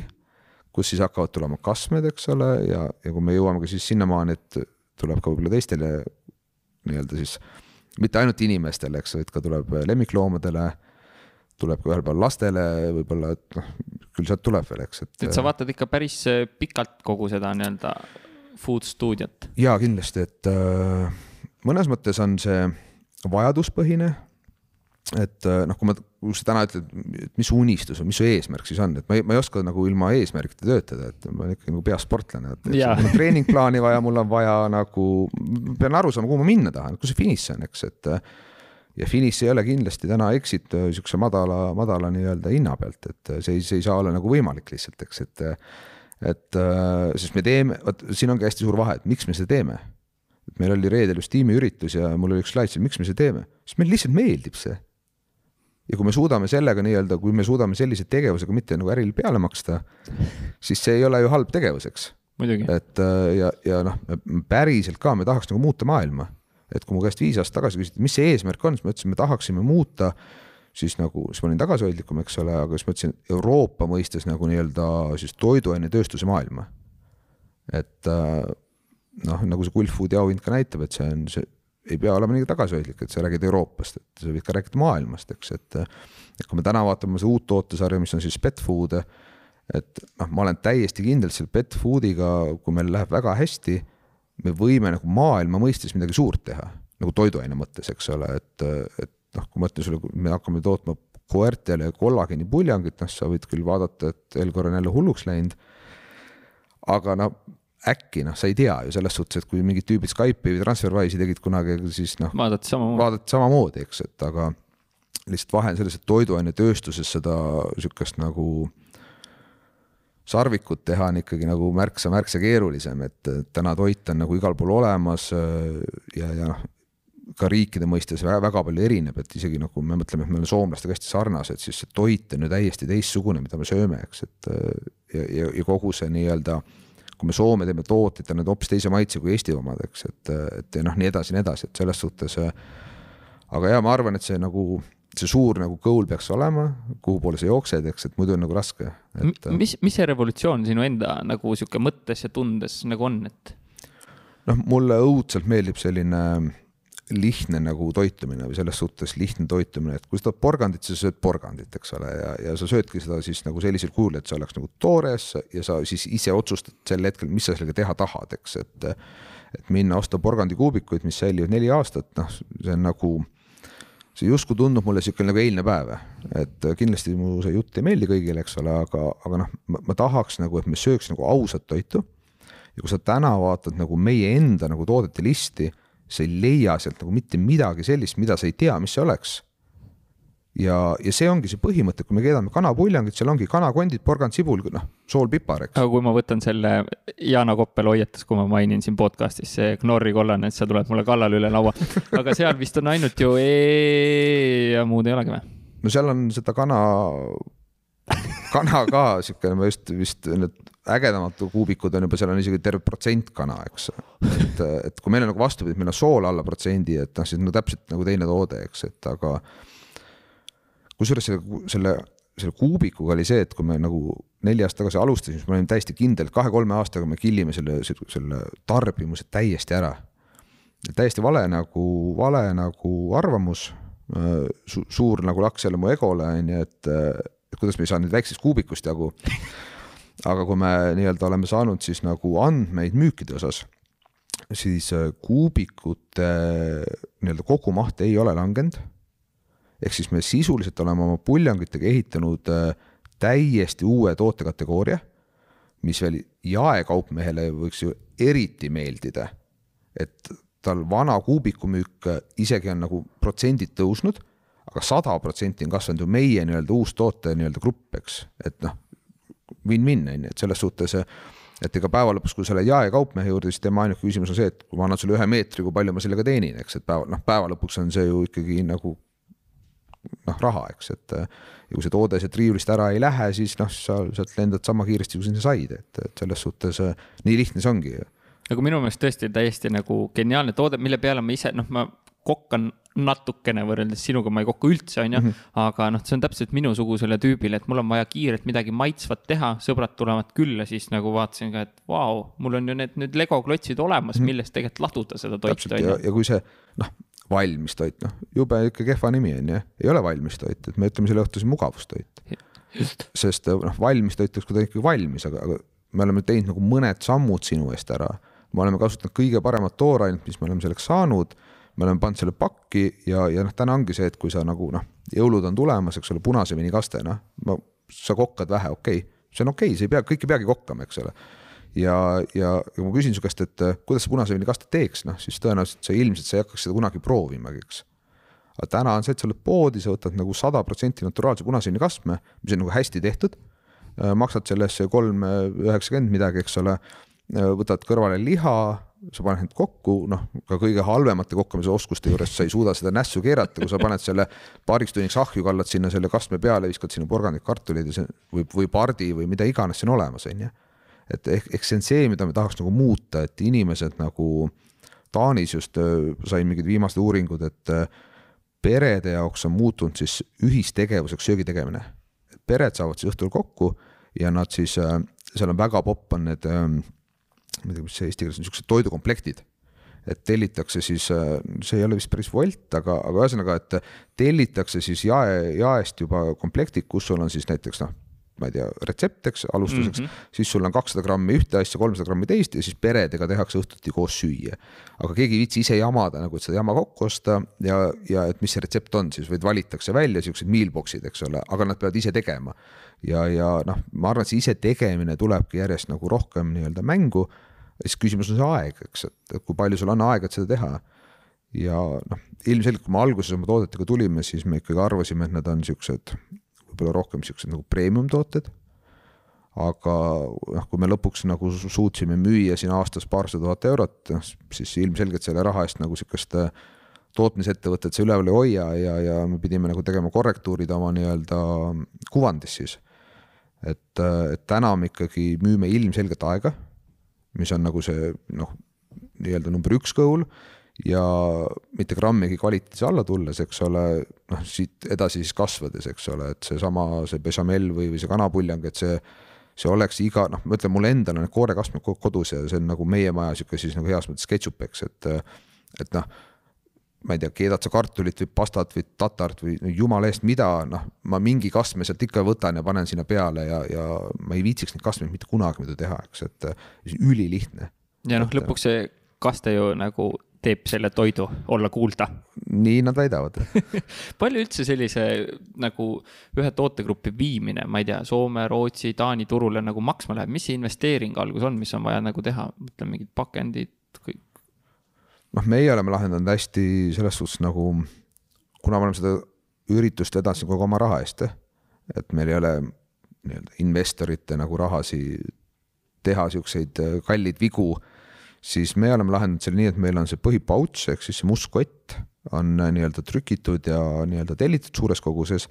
ja igasse riiki siis me siseneme, nii nagu ma eelnevalt ütlesin, äh, nii-öelda kohaliku label'iga.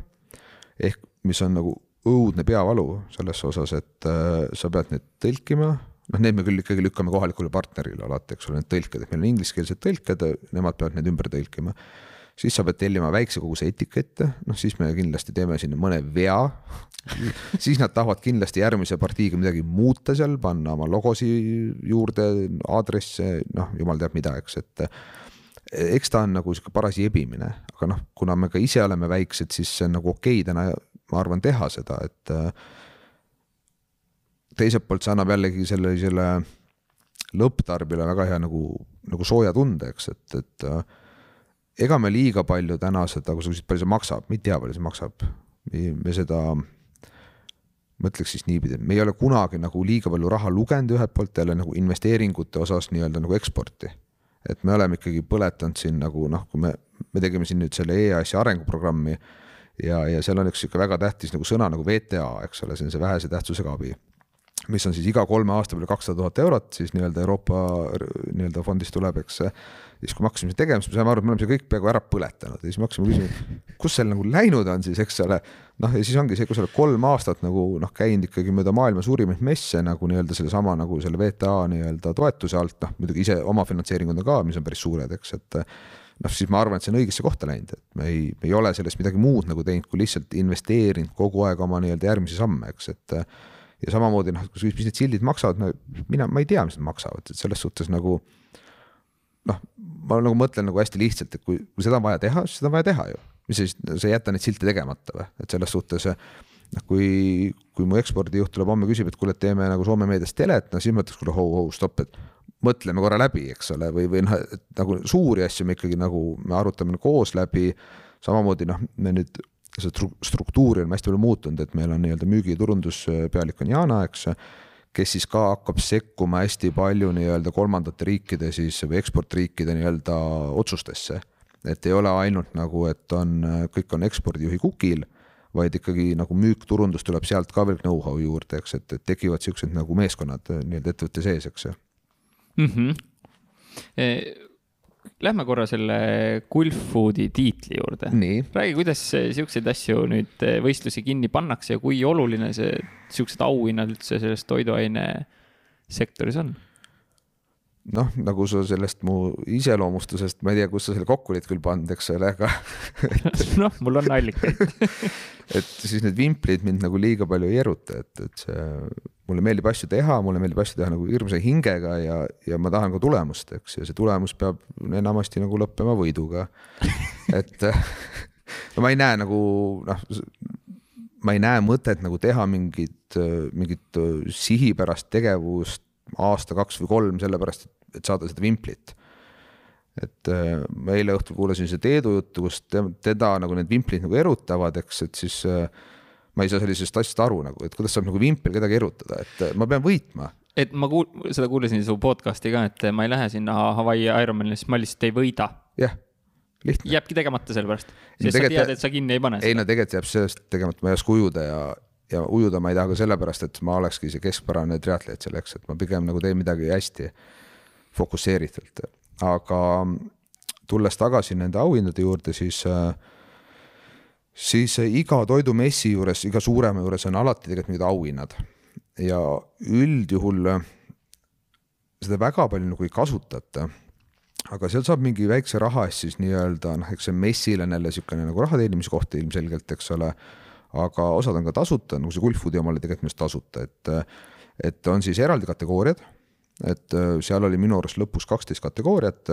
noh, ma ei tea, parim piimatoode, parim mingi magustoit innovatsioon, parim orgaanik ja nii edasi.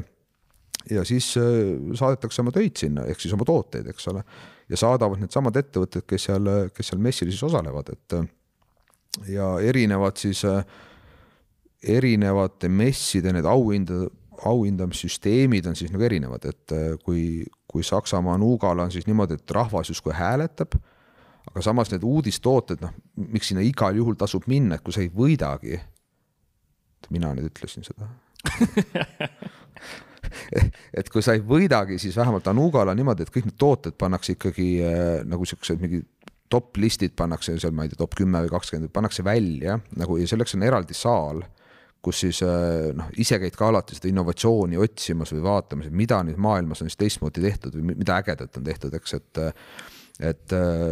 ja seal on alati hästi suur võimalus jääda silma kellelegi, et noh, meil oli Anugal oli meie punase veini kaste minu arust väljas, eks ole. noh, seal käib nagu miljon sellist hunter'it läbi, et nagu otsimas, vaatamas, noh, keegi märkab, okei okay,, sealt ei tulnud küll midagi, noh, täna tagantjärgi nagu hea öelda, eks, et aga noh, sa pead igast sellest, ütleme väikeettevõtjana eriti, noh, sa pead nagu olema nagu teadlik nendest võimalustest ja, ja kui need messid on, et siis paneme ennast sellesse turunduslistidesse, ma ei tea, ekspordilistidesse, igale poole listidesse. no seal üheksakümmend viis protsenti spämmi sealt tuleb ja nad üritavad sealt raha ära võtta, eks. aga just need äh, nii-öelda ikkagi siis noh, nagu see Gulfoodi lugu oli, et me saatsime oma tooted sinna.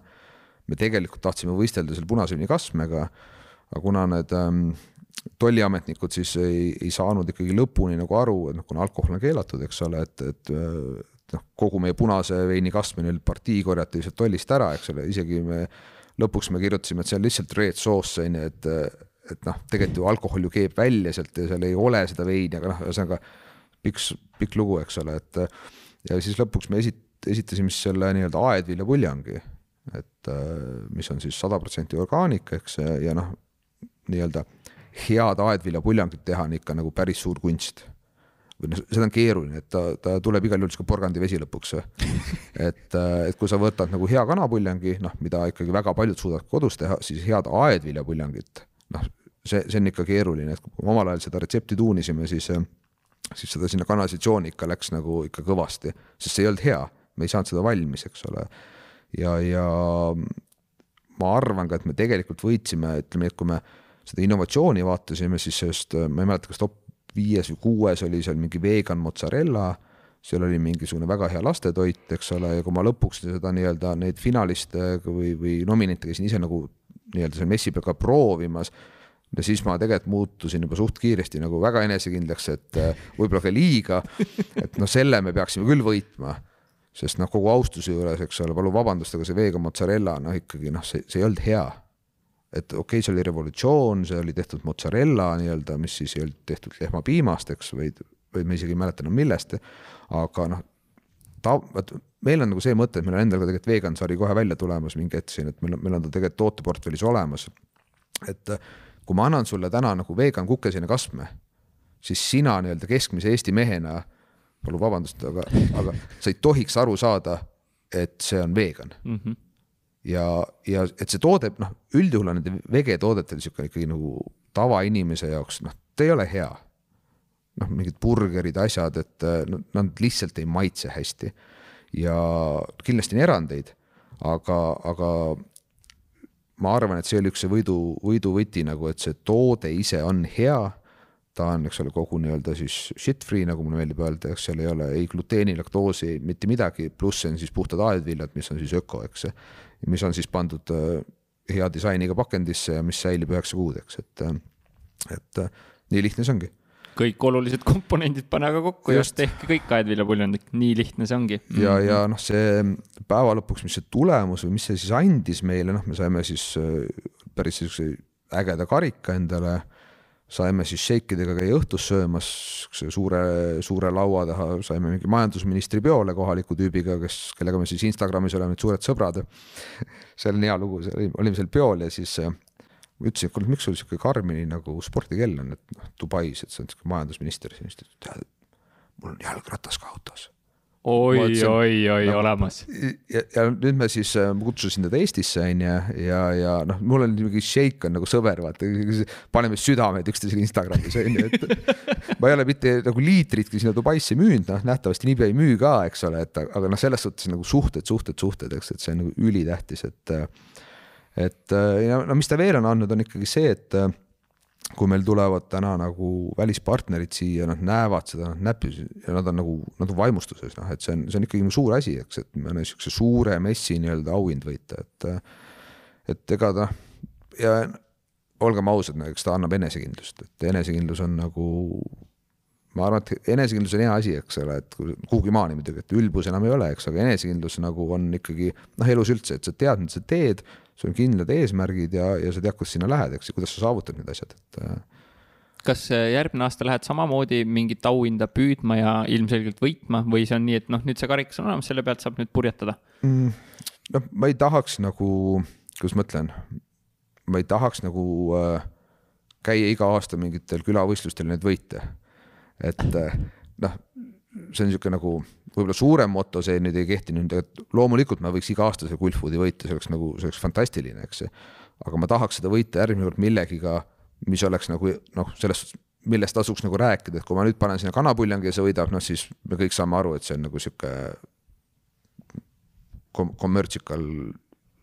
asi, eks ole mm. -hmm. aga, aga noh, pigem näiteks, kui meil tuleb see pet food'i sari et äh, või pigem, kui me suudame teha need vegekastmed nagu noh, mis meil on täna valmis, me lihtsalt ei ole neid veel turule toonud, eks, et et äh, teha nii-öelda siis vegekaste, mis on taimse, taimse koore peal, eks, mis on nii hea, millest keegi aru ei saa. et äh, no pigem tahaks nagu midagi sellist suurt teha, et see nagu erutab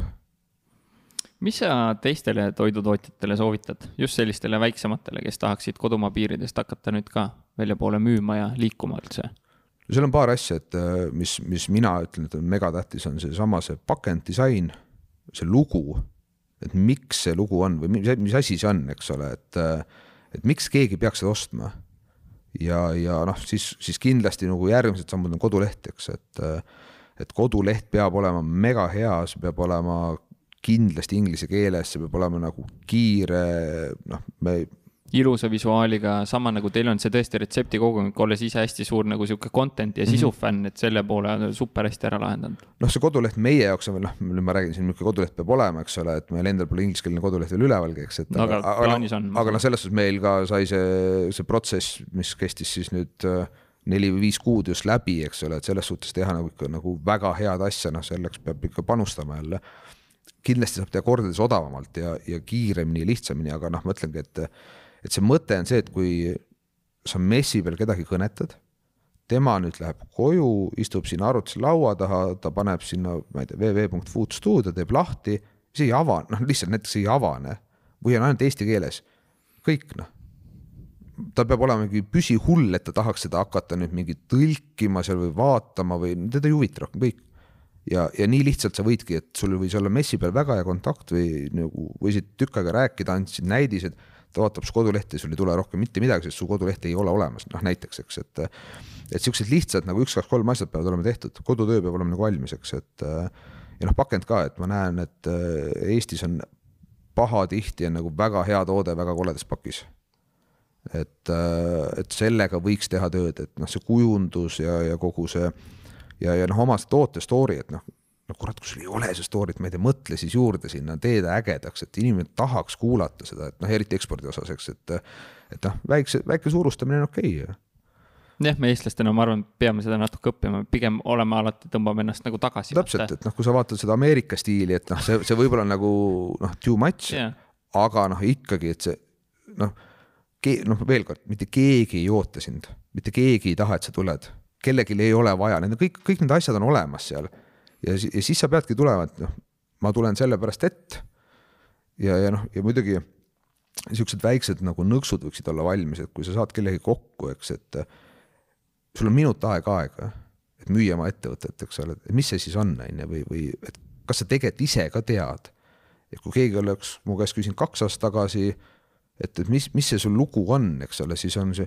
oo, no me teeme mega head puljangit ja me tahame maailma muuta. kedagi ei huvita see aga see, kui ma ütlen, et kuule, et ma, me müüme aega, meil on nagu sada protsenti naturaalne restorani kvaliteediga toode ja mis aitab sul säästa nagu meeletut aega, noh siis, siis see võib-olla kõnetab sind, oota, see tüüp müüb mulle aega. lahendad mingid konkreetsed Täp, probleemid tegelikult minu jaoks on ju. just, näite, noh, et ma annan sulle võimaluse, eks ole, et. saad minuti juurde vaata. jah, täpselt, eks, et ja kui sa selle järgmise minutiga ka suudad veel nagu suhelda ja rääkida ja, ja, ja toodet näidata, noh siis äh, ma uurin eh, sinu persooni brändi kohta. kas, mis sa üldse, mis sa mõtled sellest eh, ja kas sinust võib saada siis eh, selline härra, härra puljong nagu või härra Kaste ka nagu maailma mastaabi mõttes, võtad sa selle eksperdi rolli sisse, sest sul ju kokkamiskillid ja kõik eeldused on tegelikult olemas ju. No ma tegelikult olen see mees, kes tahaks minna Hiiumaale Kalanasse ja tõmmata nagu oma, oma gravel ratta välja ja sõita mööda kruusateid ja mitte kedagi päevade kaupa näha, eks, et aga noh, ma tean, et ja ma olen teadlikult võtnud viimasel aastal selle rolli üle. ma olen tulnud nii-öelda siis kapist välja. ma, ma käin ja räägin ja, ja noh, mis siin salata, eks mulle rääkida meeldib. aga sa, sa pead seda tegema, sa pead sellest rääkima, sa pead olemas olema, et ega ja noh, ega, ega kõik need, ma ütlen ausalt, ega need podcast'id ja kõik asjad, täna on esmaspäev, mul, ma ei taha teada, mis seal toimub jälle, eks ole, aga sa pead käima rääkima, sellepärast et esiteks A, sa saad ise harjutada rääkimist. kui keegi oleks mulle viis aastat tagasi öelnud, et sa lähed nagu mingi sajase vundi ette ja hakkad rääkima mingit lugu, no siis ega ikka ei oleks küll. noh, täna ma võin minna ka kahesajas, et, et ma lähen, mul on omad nagu nipid, kuidas ma sõidan sisse ja nagu hakkan rääkima ja ja päeva lõpuks need inimesed peavad uskuma seda, sa pead olema nagu, nagu tõsiseltvõetav, eks, et ja, ja noh, see persooni nagu brändi ehitamine, eks ta nagu keeruline on noh, eriti, eriti Eesti mõistes, et äh, noh, ma nagu, ma näen oma,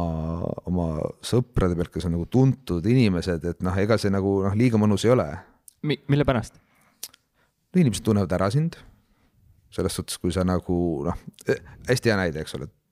Tanel Kangert, ma ei tea, Eesti mõistes, noh, kõik teavad, eestlased keegi ei julge nagu.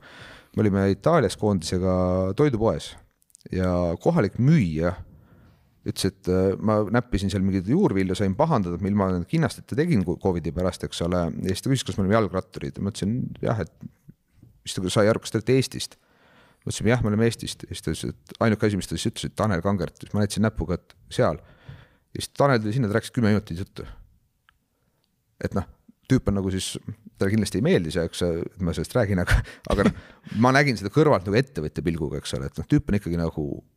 Itaalias, noh, noh, superstaar võib-olla vale sõna öelda, aga nagu ikkagi nagu noh, persooni bränd on nagu missugune, eks ole, et ta on sõitnud nendes tiimides, ta on väga head tööd teinud, kõik teavad teda, eks. et äh, ega selline nagu noh, sihuke,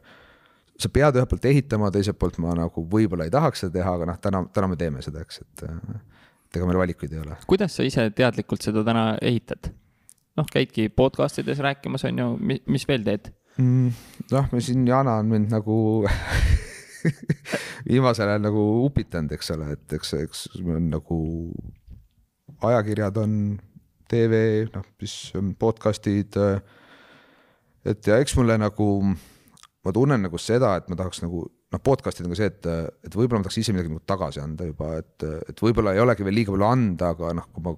ütleme nii, et miks mind ka inspireeris see Teedu lugu, eks ole, tulema nagu rääkima, et et äh, noh, ma olen ka tal, me oleme omavahel hästi palju rääkinud tegelikult, eks, ja, ja ikkagi teinekord panete lahtise käega vastu pead, ütled, mida sa teed, noh, et ära käi neid ämbreid, et ma ju tean, et ära, ära tee selle tüübiga, noh, ei ta ikka läheb, teeb. Noh, mille jaoks ma ju räägin sult, ära tee, eks ole, et nagu ja, ja samamoodi noh, ma ise näen, et kui ma ikkagi, mul on mõned nagu eeskujud, kelle käest ma ikkagi küsin nagu ja, ja, ja ja mulle meeldib, kui keegi ütleb nagu, et noh, muidu vaata, sul tekib see tunne, et et ma küll olen enesekindel, ma tean täpselt, mida ma tegema pean, aga see ongi hea, kui noh, nii-öelda siis keegi patsutab sulle õlale, ütleb, kuule, et see on õige suund, et anna minna, sa oled väga õigel teel. Või siis vastupidi, kuule, kurat, et mõtle, mõtle veel natukene, et või küsi veel arvamusi või noh, et selles suhtes sa saad nagu, sa saad aru, kuhu sa liigud, eks, et ja noh, ma ise pean seda, ma ei ole nagu väga sihuke mentorluse usku ise liiga palju, aga võib-olla ma, see mentorlus ei ole see hea sõna, mida ma mõtlen, aga aga pigem ongi sihuke noh, keegi, kellel on rohkem kogemust ja, ja kes on, kes on samas äris ka olnud, et noh, võib-olla hästi raske on see, et kui mina tulen hakkan sind õpetama, kuidas koolitusäri teha, sa ei usu mind, sest ma ise ju ka ei tea, kuidas seda teha, eks ole, või vastupidi, eks ole. aga kui noh, ma ei tea, mul on Alar Ojastu, eks ole, noh, et kui ta räägiks sulle midagi, noh, ilmselt sa usuks. ilmselgelt. noh, et, et nagu selliseid näiteid pigem või või noh, ma ei tea, kas sa küsid kellegi käest, no ikka sa nagu arutad või räägid selles seltskonnas ja, ja see annab sulle nagu noh, mingit nagu sihukest usaldusväärsust, eks, et, et sa oled õigel teel, jah, ma teen õigeid asju ja lähme edasi, on ju, et, et, et sihukene, sellepärast ma nagu mõndasid inimesi väga austan, nende töövõimet ja, ja mulle meeldib seda nagu, nagu nii-öelda ära kasutada natuke. kus sa neid eh, mentoreid ise täna leidnud oled ja kes sul need on? Noh, ma ütlen, see mentor on ikkagi paasõna, et eeskujud, äh, eeskujud, et äh, ma ei ole neid kunagi teadlikult otsinud. Nad on mingitel hetkedel ise mu ellu tulnud ja, ja nad pigem on äh,, ma olen neid kuidagi nagu austanud või, või nad on oma tegevusega suutnud mind nagu heas mõttes siis erutuda. kas nad on hullud tööloomad, näiteks noh, hea sõber Urmas Peiker et üks Funderbeami asutajatest, eks, et, et tema on nüüd meid siis viimased kolm aastat mind ikkagi nagu siis teatud nagu finantspoolte ja selliste asjade osas nagu suunanud ja aidanud, eks, et vaatad selle inimese töövõimet, siis mõtled, oleks mulle nagu pool sellest olnud, ei no veerand oleks ka hästi, eks ole, et noh, selle nagu noh, ja, ja, ja seda arukust ja taibukust, eks, et siis äh, no, jäädki suhtlema ja klapid hästi ja see, see on nagu äge, eks, et kindlasti see on noh, nii-öelda toiduaine maailma mõttes on Katri Kõvask, et äh, tema on üks nendest inimestest, kes nagu on niisugune, mulle meeldib see no bullshit, et, et otse ja hästi selgelt, et ja, ja ja noh, nüüd ma, must endast on ka saanud juba sihuke väikene nagu nõuandja, eks ole, et alles hiljuti siin paluti, et, et ühed tüübid hakkavad või teevad juba seenekasvatust, mingeid väga kihvti seeni, et, et tule räägi palun oma ämbritest ja kuhu, lükka meid kuhugi poole, eks, et ja. Ja siis mõtled ka, et kurat, ma ikkagi peaks siia minema ja rääkima neile ja aitama neid natuke, et kuigi noh, kui ma täna oma graafikut vaatan, siis ma nagu ei tohiks kuhugile minna, ma ei tohiks majast väljagi minna, peaks ainult nagu tegelema oma asjadega, eks, et aga noh, ma ise mõtlen, et kui need teised inimesed on ju mulle oma aega andnud et siis mina pean, mul on nagu see nagu surve, et ma pean nagu andma tagasi, eks, ja, ja, ja mis siin salata, ega kui keegi arvab, et ma olen nagu piisavalt tark ja ma olen piisavalt edev ja ta tahab mind kuulata, siis noh, jumala eest Lähme ja räägime vaata. ja, ja et, et, et ja noh, mõtlengi, et, et eks see väikeettevõtjad ka omavahel ikkagi hästi palju, kui me nagu boost'i kuttidega suhtleme, et erinevate väiketootjatega on messil ikkagi räägid oma kogemuslugu, noh, mina olen isegi nii kaugele läinud, et meil oli hea näide on Uga messilt, et tuli Venemaalt üks klient, otse jaeklient, kes tahtis mingit suppi osta. ma tassisin nad nööpi pidi nagu salvesti nii-öelda putkasse, eks ole, ütlesin, kuulge, nemad teevad suppi, et rääkige nendega. noh, salvest ei ole minu jaoks konkurent, selles suhtes meil on täiesti erinev nagu teema, aga sa ikka kuidagi nagu aitad ja, või, või nagu noh, me oleme eestlased, me, me peaksime. me nagu, peame kokku hoidma. ja no. me peaks palju rohkem koostööd tegema et, et samamoodi kui mul on väga hea kontakt Rootsis, noh, ma olen seda täna jaganud nagu kõikidele nende väiketootjatega, kes meil seal olnud, et kuule, ma ei saa lubada, et siit midagi tuleb. aga minul on väga hea kontakt, eks, et, et selles suhtes rääkige, äkki teil tuleb ka, äkki, äkki on huvitav, võib-olla ei ole, ma ei oska öelda, eks, aga noh, vähemalt see nagu või et nagu ärge selle tüübiga tehke. Noh, see on jutumees, eks, et noh, siin paar päris head näidet ma olen öelnud, et ärg-, noh, ma olen selle läbi käinud, sealt ei tule mitte midagi. Ja siis noh, tuleb, tuleb, tuleb, tuleb. no Teet, no kust tuli või et, et noh, ongi siuksed asjad, miks me peame nagu rääkima ja aitama üksteist, eks, et, et ma isegi olen tegelikult mõelnud, et võib-olla oleks tark sihuke teha ma ei tea, kas juhtide, noh, neid juhtide klubisid ja asju nii palju, keegi ei viitsi neid tegelikult teha, eks, et aga, aga teha, ma ei tea, paar korda kvartalis või, või aastaski lihtsalt mingid lahe punt kokku ja räägime omavahel lugusid, sööme ja võtab klaasi veini võib-olla, eks, et, et see kindlasti nagu aitaks. Pole üldse küsimustki, noh. aga noh, siis ongi see, et tee ära sa. Äh, no ekspordime mõne... podcast on olemas, sinul on äh, stuudio. on. noh, teeme ära. teeme siis ära. et ei, absoluutselt. vähemalt et, ühe testi ja, ja siis vaatame, mis saab. teeme koos süüa ja, ja, ja, ja räägime, räägime siis nii-öelda eksportimisest. jah veiniklaasi taga ja arutame tõesti. ma arvan, et see kindlasti oleks väga-väga hea nii-öelda start. väga lahe, sotsiaalne lubadus on eh, õhku visatud Kaks.... seda ma küll ei plaaninud praegu aga, aga teeme nii, et mõte on minu, orgunn on sinu koht on sinu. koht on minu. puljong on sinu. vabalt. no selge, siis teeme ära siis orgunni meie kontakt-. supi, supiköök, ekspordi supi. supiköök kõlab hästi ja siis kutsume mõlema poole kontakte kokku ja teeme tuttavaks ja, ja ma arvan, see on ülikõva väga lahe. Eh, Covid, hea, halb? sulle, väga hea, väga hea, selles suhtes nagu ähm, mul on Covidiga hästi personaalne lugu, me olime Soomes toidumessil äh,, maksime nagu tuhandeid eurosid, tuhandeid, et sinna minna, et olla seal väljas. Ja meil oli siis äh, toodete nii-öelda kohaliku distribuutoriga, nemad olid veel oma boot'iga väljas, oli siis toodete esitlus Soomes kõik jaeketid, kõik kutsutud. teisel päeval pandi mess kinni, eriolukord kuulutati välja. me olime kas kolm või neli päeva pidime olema seal, ma ei mäleta enam. pakkige oma puljangid kokku ja esimese laevaga koju. et noh, kõigepealt mõtled, oh my god, et mis, no kõigepealt mõtlesin, mis loss siit tuleb. ja siis me nägime, et siin ei ole mitte kedagi, no esimene päev oligi tühi, suured tootjad ei lubanud oma inimesi välja, eks ole. mõtlesin, miks te seda messi üldse ära ei jätnud? et me olime seal ilma publikuta ja siis noh, niisugune korra mõtled, hou-hou, et noh, see ei olegi ju gripp või, et see on nagu, no see on päris hull lugu, mis toimub, eks, aga ma olin selle Covidiga väga isiklikult juba varasemalt seotud, sest meie pakendid tulid Hiinast. ja mis sa arvad, mis piirkonnast? kaks siis V-ga hakkab. ja meil oli pakendites selline error et äh, ja seal käis see pull juba detsembris, kus tehased pandi kinni, et selles suhtes mina olin sellega nagu juba personaalselt seotud, kui noh, seda polnud veel isegi Euroopas, eks. Äh, me ei saanud pakendeid, meil said pakendid otsa, no see oli mingi elujama, eks ole. sa oled nagu prime time'il talvel ja sul ei ole puljangit mitte kuskile pakkida. et, et noh, ja, ja sul ei olegi midagi teha, eks ole, et aga ühesõnaga ma tulin koju, kuna kaks aastat tagasi meie pere mina siis sain sealt samamoodi Soome täpselt samalt messilt gripi, mis siis oli niimoodi, et ma olin kas kolm või neli päeva sihuke nelikümmend pluss palavikus. siis äh, sain jalad alla, siis sai mu poeg, kes oli siis tollal vist kas kaheaastane või, siis oli tema. me olime siis äh, tema nädal aega, käisime haiglate vahel ja siis sai mu tütar, kes oli tollal kas nelja-viiekuune, kellega siis mu abikaasa lõpuks oli, ühesõnaga, et me saime kolm nädalat sihukest grippi ja kiirabiautorallit, et ma võtsin, noh, ütleme nii, et kui ma sain aru, et jälle sihuke olukord, siis ma tulin koju, võtsin Airbnb-s korteri endale ütlesin, et ma, ma panin ennast nagu, kõik naersid, isegi mu partnerid naersid mulle, ma ütlesin, ma olen selle läbi teinud. kui seal on sihuke risk olemas, siis mina seda oma perele nagu teist korda ma ei soovi seda ja ja mis siis juhtus, oli see, et esimene päev ma siis tegin rahulikult pudeli veini, onju, mõtlesin, et huh-huh-huh, mis see uus elu nüüd siis tähendab, onju. ja, ja, ja mulle nagu mõnes mõttes siuksed olukorrad nagu meeldivad, et äh, sa oled nagu seisus, kus sa oled nagu, sa ei saa aru, mis toimub maailmas. ja kus mul siis hakkas tootma, ma olin üksi. ma olin nagu, ma käisin õhtul, siis nägin oma lapsi mänguväljakul, eks ole, sisuliselt noh, saime nihuke paar meetrit kontakti saime nagu natukenegi olla. ma käisin jalutamas, ma kuulasin muusikat ostsin kohe uue märkmiku, kaks tintelpenni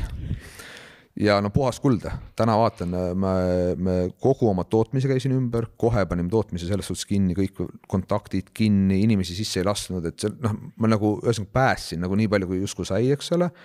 ja tegime poodide põhised plaanid. ja siis korraga nagu mõtlesime, et oot-oot-oot, tellimused hakkavad ju ka ära kukkuma, kõik eksport, kõik asjad oota, mis siis tegema peaks, eestlased on kodus, istuvad kodus, on, siis olid juba lukus varsti onju. oota, siis peaks rohkem tootma. Äkki oleks aeg nagu gaas põhja vajutada, eks ole, ja siis noh, siis läks selles suhtes veel sihuke rock n roll, et me panime tele.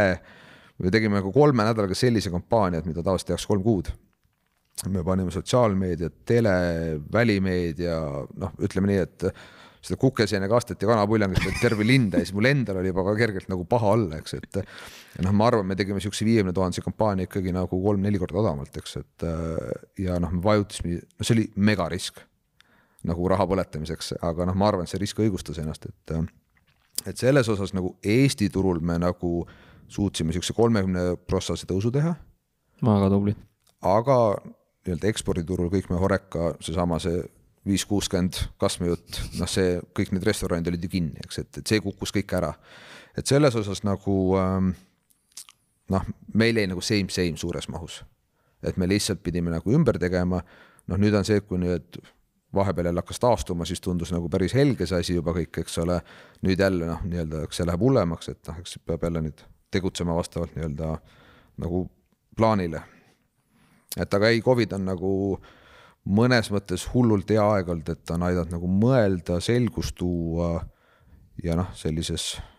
mittereisimises ajal nagu siis vahepeal ka üksi olla, eks, et, et see üksi olemine on nagu megatähtis, et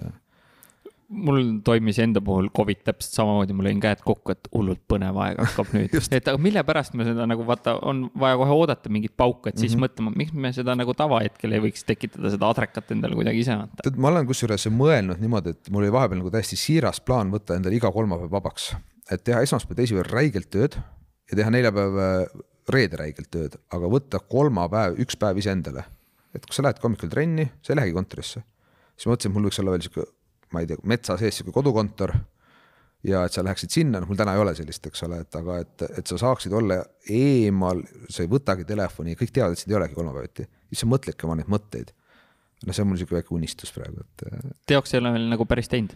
või oled mõne kolmapäeva proovinud? ei ole ühtegi teinud, sest noh, tramm on, et noh, ma olen sihuke nagu mõnes mõttes nagu ka töönarkomaan, et ega kui ikkagi eelmine päev on nagu kaua olnud ja klientidega ja nii edasi, siis ma ikkagi järgmine päev lähen ka, et mul kuidagi see distsipliin on nagu nii kõva, et ma ei saa nagu, et ma üks päev siin tegin nii, et äh, läksin kell üheteistkümneks tööle, et noh, sihuke, see jõin lihtsalt kohvi hommikul, paar tassi rohkem kodus, ma olen sihuke kohvihoolik, eks, et hea kohvi minu jaoks on jube tähtis. lugesin lehte ja mitte midagi ei juhtunud, mitte midagi ei juhtunud ja mul oli ilgelt hea tuju läksin tööle, laulsin autos, tead sihuke nagu läks jumala äge oli olla, et no sellega pean nagu noh, see on sihuke see enese, eneseabi teema, et sellega tuleb nagu tegeleda, ma praktikas olen jube kõva mees selles, tean täpselt, mida ma tegema pean. teoorias? teoorias, no praktikas ka tegelikult ma tean, ma olen seda teinud ennem, et ma olen kunagi nelikümmend kilo oma kaalu kaotanud. ma olen nii-öelda tippsportlastega jalgrattalaagris käinud, kui ma ei jõudnud ise võib-olla kingapaelga kinni panna ja ma vaatasin, tahaksin temaga, tahaksin temaga kaasas sõita nagu trenni mõttes, eks. kümme aastat hiljem vaatan, tahaks neil pähe panna selles suhtes nagu noh, kõik on võimalik, on ju, et mulle, mulle nagu see, mulle see ütlus, et kõik on võimalik, see nagu hirmsasti meeldib, et kui keegi ütleb mulle, et see ei ole võimalik no,, don't try. punane lipp härjale vaata ja need on head nupud, mida vajutada. ma arvan, et see ei ole võimalik. Davai, teeme noh mul on äh, iga podcast'i lõpus sellised universaalsed viis küsimust kõikidele samasugused, hakkame nendega otsast minema. ütle, mis on äh, ostud, mis on sinu kui ettevõtja elukvaliteeti ja õnnelik olemist oluliselt äh, mõjutanud? tead, nende ostudega on hästi kihvt, et ma saan ju aru, et kui ma tarbin sotsiaalmeediat, siis see ju päeva lõpuks on ju kõik niisugune nagu, kuidas siis on, brainwash või, et ma olen tahtnud endale osta seda Aura sõrmust viimased kolm aastat. palun osta ära. mul on, töötab. ei, aga ma tean ise ka ju, kuidas ma magan ja millal ma magan ja ma ju tean seda, eks ole, siis ma olen mõelnud, see nelisada mingi something eurot, eks ole, et noh, mul ei ole ju vaja seda, ma ju tean seda asja, kuidas see käib, eks ole. ja, ja, ja siis sa näed seda kogu aeg, see tuleb ja see tuleb ja siis, siis mõtled kurat, ma ostan selle. ei, ma veel ei osta, sihuke nagu noh, mängid nagu siis selle enda ajuga, eks ole, et aga, aga noh, mida ma ilmselgelt olen ostnud ja kuhu ma vist kogu meie pere nii-öelda eelarved olen aastast aastasse toppinud nagu sisu tühjaks ja võlgu ka on, on reisimised, eks, et et noh, mõnikord on ikkagi, see aasta just siin kurtsime, et polegi saanud reisida ja siis Pirjo ütles mulle, et oota, et jaanuar, veebruar Hawaii, siis olid sa Gulfood, Saksamaa, mingid need, need loeb. no et tõesti ei ole saanud käia väga jah, et aga, aga noh, ma ütlen, et see reisimine ja eemal olemine minu jaoks nagu megatähtis, et ja viimased aastad, kuna lapsed on meil väiksed, eks me oleme saanud nii minna, et me lähme kevadel kuuks ajaks Mallorcale, kus ma teen kaks rattalaagrit järjest ja, ja sõidan nagu noh, tundide kaupa jalgratast, eks ole, mis on siis minu palsam on ju ja, ja ja söön neid saiakesi ja kohvi ja, ja lihtsalt olen ja kirjutan natuke midagi võib-olla märkmikusse ja, ja pere on seal ja noh, see on nii mega nagu minu jaoks ja see on see, mida ma tegelikult tahaks nagu teha rohkem ja rohkem ja rohkem, sest see annab mulle nagu kohati vabaduse, see annab mulle nagu selguse, just nagu see, see ongi see, mida ma otsin nagu, et ega see, see füüsiline väsimus, ma saan väga hästi aru, kuidas mu keha töötab, nagu super hästi, ma pean nagu hästi toituma ma pean nagu trenni tegema, sest kui ma trenni ei tee, siis ma ei suuda hästi toituda. kui ma trenni ei tee, siis ma ei ole väsinud õhtuks, ma ei suuda magama minna. Ma ei suuda oma aju välja lülitada, siis ma ei maga, no see on nagu ma, ma olen nagu, ma räägin, tugev selles. aga seda kõike teha, on mul vaja challenge'it. ma pean võtma jälle challenge'it, ma tahan midagi võita, ma tahan midagi saavutada ja siis ma teen seda, siis niisama ma ei viitsi teha seda, ma tean, kuidas see käib, ma tean, kuidas ma seda saavutan. ja, ja mis isegi lõpus tekib, on see ülim enesekindlus. ma ju tean, et mul on kolm kuud vaja,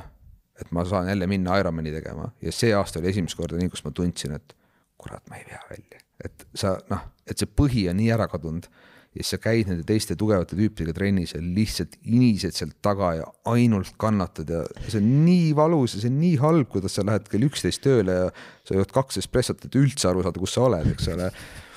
ja siis sa mõtled okei okay,, võib-olla oleks siiski mõistlik treenida nagu aasta läbi.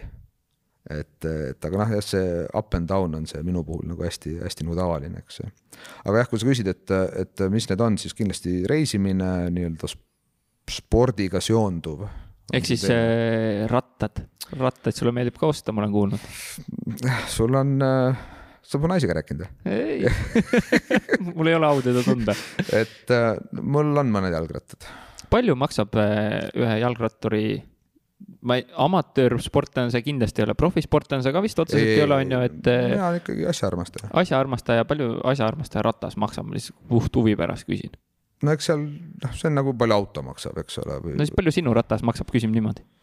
milline nendest? see viimane. ma see... ei mäleta, kas üks oli e. E e ja eraldistega rattad peavad olema nagu, ühesõnaga mu mu isa mind niimoodi kasvatanud, keda enam ei ole, eks, et me ei ole nii rikkad, et osta odavaid asju.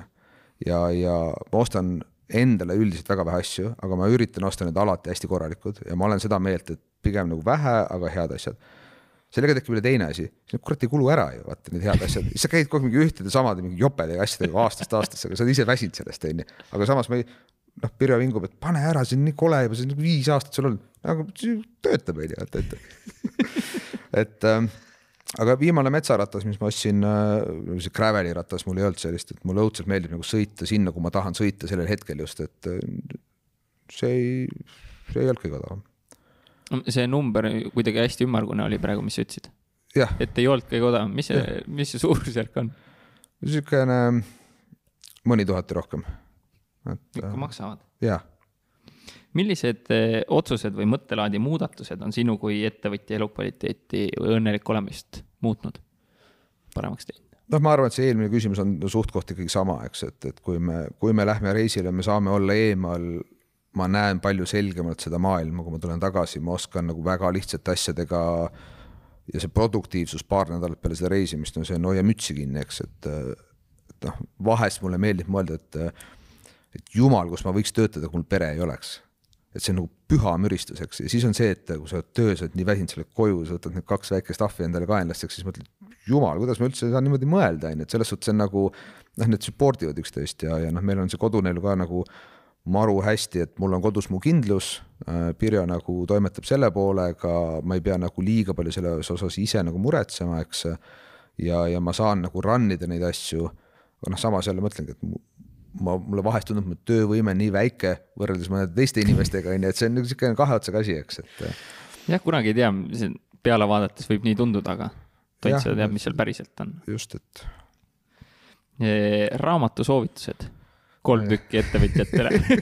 no tegelikult see on see, millega ma täna juttu alustasin, mis vist äh, kaadrisse ei jäänud küll, aga, aga et kui, kui ma eile õhtul neid küsimusi korra vaatasin, eks, et siis äh, siis tegelikult ma hakkasin nagu mõtlema, et kurat, ma olen nagu, ma olen tõesti nagu imelik tüüp, et ma ei, ma ei loe nagu eneseabiraamatuid, ma ei loe nagu mingi ettevõtmiste raamatuid, et siis ma nagu mõtlesin, et kas mul on nagu midagi viga, et et viimane selline stiilis, mida ma üritasin lugeda, on, oli siis Alar Ojastu nii-öelda sellist psühholoogiat ja kõike seda poolt ja, ja sellist head juhtimist ja, ja no ma ikka lugesin, ma tassisin seda reisilt reisile siis ma seal viis lehte lugesin ja ja no oli põnev, et, et sai mingeid nagu point'e ja asju, aga, aga ma ei, ma ei suuda liiga palju, et aga aga mingid äh, mägede seiklused, kus tüübid käivad Everesti otsas, seal ekspeditsioon läheb tagurpidi, kõik inimesed saavad surma, kuidas neid päästetakse, milliseid ebainimlikke nagu asju tehakse, et seda asja kokku pakkida. aga soovita mõnda sellist äh, nagu raamatut, mis sul tõesti nagu see sportlased, elulood? elulugudest kindlasti see Nike'i lugu, eks ole äh, ratturite lood, et noh, noh name it, et selles suhtes neid, neid on nii palju, eks no just siukseid nagu ägedaid lugusid, et kasvõi Eesti sportlastest, et, et teistpidi äh, hiljuti lugesin Tanel Jooki raamatut, et noh, kui palju see mees trenni tegi. see oli haige. kui see mees ei oleks nii palju trenni teinud, ta oleks maailmameister olnud. ja siis sa loed seda, noh täna ta saab ise ka sellest ja. aru, aga ta oli lihtsalt nii sees seal, et talle erinevad treenerid ütlesid, ära tee nii palju trenni, eks noh, et sugu või sa viga, eks ole, noh loed siukest asja või, või Kaido Höövelsoni lugesin hiljuti, eks ole, et no ikka tahad sihuke kuidagi mul sihuke Eesti raamat tuleb, siis ma nagu ostan selle paberkandjal, tead sihuke nagu rumal harjumus, et, et noh, tahad nagu support ida natuke või siis loed seda, mida seal Jaapanis nagu läbi elati, onju, et nagu sihuke noh, sa siin mulli, siis noh, lähed vajutad seal uue nupuga kohvi jälle ja nagu mõtled, teed rasket tööd. Või, või noh, need ratturid, kes sõidavad seal kolmkümmend viis, nelikümmend tuhat kilomeetrit nagu need dieedid, need asjad, need võistlused, no see on, vot see on nagu minu eneseabi, mida ma tahaks nagu lugeda, eks, ja teine asi on siis nagu suur kirg on kokaraamatud, eks, et kus ma lihtsalt,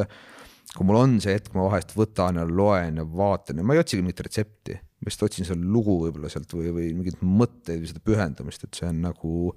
see on nagu üliäge, et kus, kus tüübid, muuseas üks vahelepõige, käisime nädal aega tagasi matkabussiga esimest korda elus, siis sõber Tõnis mina ja Hugo, mul poiss, eks käisime matkabussiga Hiiumaal kaks pool, kolm päeva. ja me tegime seal, me nimetasime siis seda siukseks gurmeekaravaniks ja me tegime siis ühel õhtul seitsmekäiguse õhtusöögi iseendale, et äh, tegime pilte, tegime nagu noh, ja see oli selline inspiratsioonilaks. Hugo tõi merest vetikaid, siis me viskasime lõkkesse, keerasime sinna sisse kartuli, tegime lõkkekartulit nagu adru sees onju, noh see suits kõik, no sihuke teed mingeid nagu siukseid asju nagu noh, ma arvan, et enamus kuulab, see on täitsa napakas tüüp onju. aga ma sain sellise litakaselt noh, vot sa pead tegema nagu selliseid asju, on ju, et, et noh, vanasti oli nagu see ka hästi palju mul sihukest haikimist, et nagu sihukest nagu füüsilist matkamist, aga aga see nüüd nagu pere kõrvalt jäänud nagu ikkagi noh, sa ei saa minna ja lubada endale seal kaks nädalat kuskil matkad, eks ole, et aga need on need asjad, mis mulle teha meeldib, et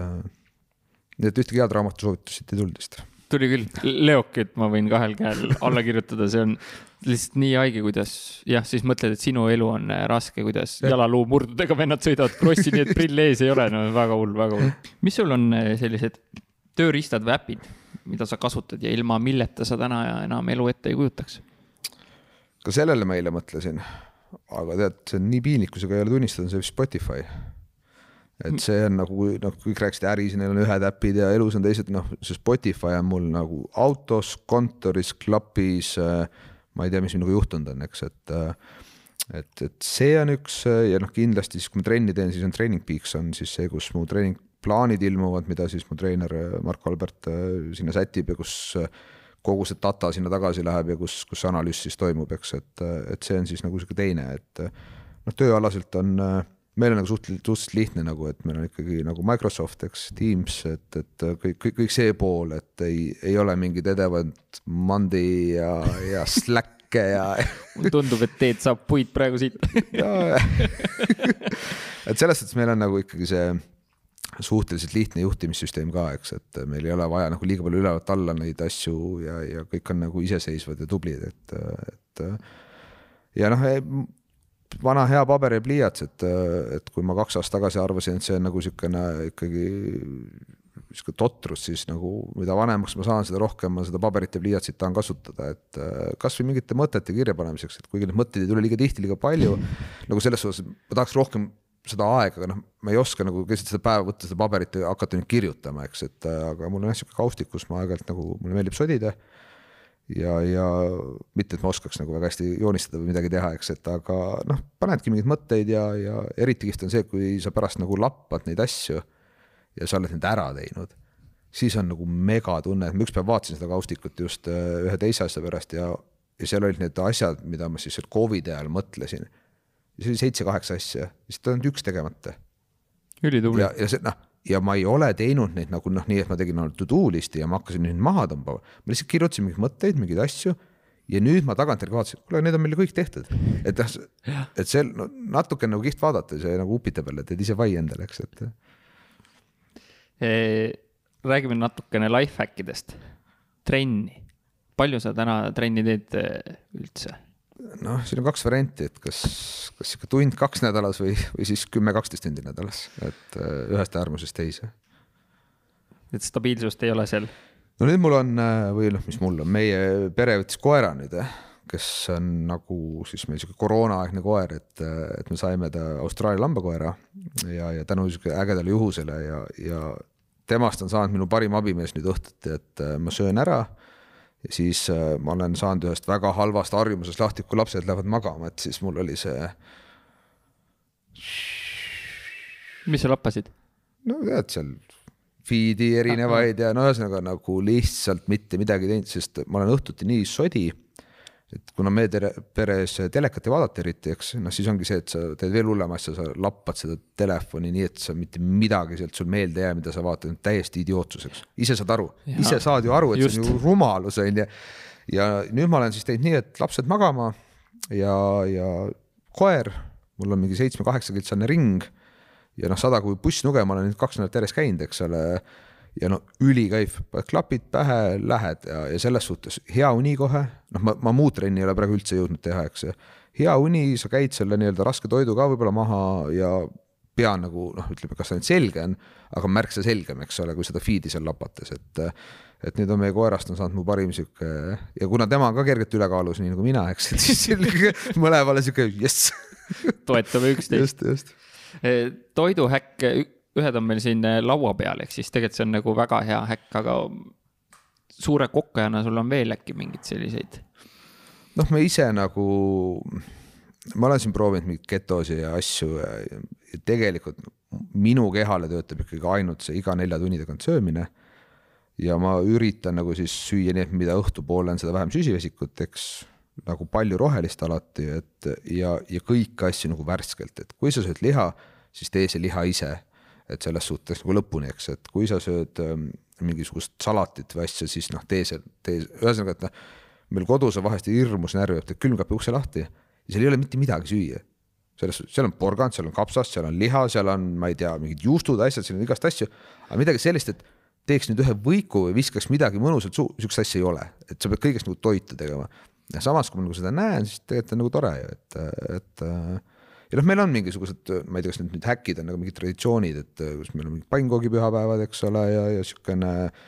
noh, kohvi on au sees, nagu ma mainisin, eks, et noh, see küll võib-olla kõige kasulikum häkk ei ole, eks, aga ma ei tea, eks inimesed räägivad nagu erinevat juttu, aga, aga noh, kohvi minu jaoks on nagu absoluutselt, et mul on korralik käpaga masin, eks, veskid, asjad, kõik on nagu timmitud, et, et nagu paar, paar tassi head kohvi on ikkagi nagu noh, must, et et ilma selleta nagu see ei toimi üldse ja selle kohta nad ütlevad, et paar tassi on väga-väga kasulik kogus ka, nii et noh, pigem on jah see, kui sa sinna kümne kanti liigud, vaata siis on võib-olla vähe halba. kusjuures mul keha saab kohe aru, et ma vahest teen isegi nii, et ma joon, mulle meeldib hommikuti juua siis nagu sihukest pikemat kohvi, kas siis sihukest americanot või, või isegi panen, panen piimaga, eks ole, nagu mandripiima või midagi. ja vahest teen nii, et teed kaks suurt tassi, noh ikkagi sihuke topelt espresso põhjaga, teed kolmanda ka, võtad lonksu ja saad aru, et tegelikult ma ei taha seda ja noh, saadki nagu aru, kus see piir on või et, et, et ja alkoholiga on teine sama asi, et noh, kuna oled sporti nii palju teinud, et vanasti mul ikkagi pidutseda, noh, selles ma olin päris tugev, on ju. ja, ja nüüd on ka teinekord võtad kaks klaasi veini ja saad aru, et noh, kõik, siis ei tahagi rohkem, eks, et, et kuidagi nagu keha või, või mitte keha ei, ise oskad paremini keha kuulda. et sa saad nagu aru, kus on nagu noh, et nüüd aitab. et see mulle nagu meeldib. see kehatunnetus tekib, on tekkinud, on ju uni eh, koeraga jalutama? Ja uni, äh, ma tahaks veel varem magama minna, kui ma lähen, aga ma lähen sihuke orienteeruvalt üksteist pluss, et äh, ja noh, ikkagi niisugune noh, seitse, kaheksa miinimum või noh, tähendab mitte miinimum, noh, väiksed lapsed, et seal nagu meil on siis nagu jagatud niimoodi kuidagi läinud, et mina nagu siis öösel üritan siis nii-öelda abikaasat nagu aidata nii palju, kui ma et kui on vaja võtta neid või tuua või siis nagu, kuna ma suudan, nii et ma nagu magan kaks tundi, hüppan püsti magan edasi, eks, et aga, aga et selles suhtes hea uni on ikka nagu noh, eriti nüüd viimasel olen tundma hakanud, kui vahest mõni ronib meile voodisse ja ei saa magada, saad seal jalgadega vastu pead paar korda öösel ja kohe on hommik teine, no kohe täiesti, et noh, nii hästi oled tundma ennast hakanud nagu keha, mõtlen just, eks ole, või, või et võtad seal, noh, alles hiljuti oli, et panin paar klaasi veini õhtul sõpradega, onju. ei saa magada, noh, kell kaks on uni läinud, eks ole, selles suhtes nagu see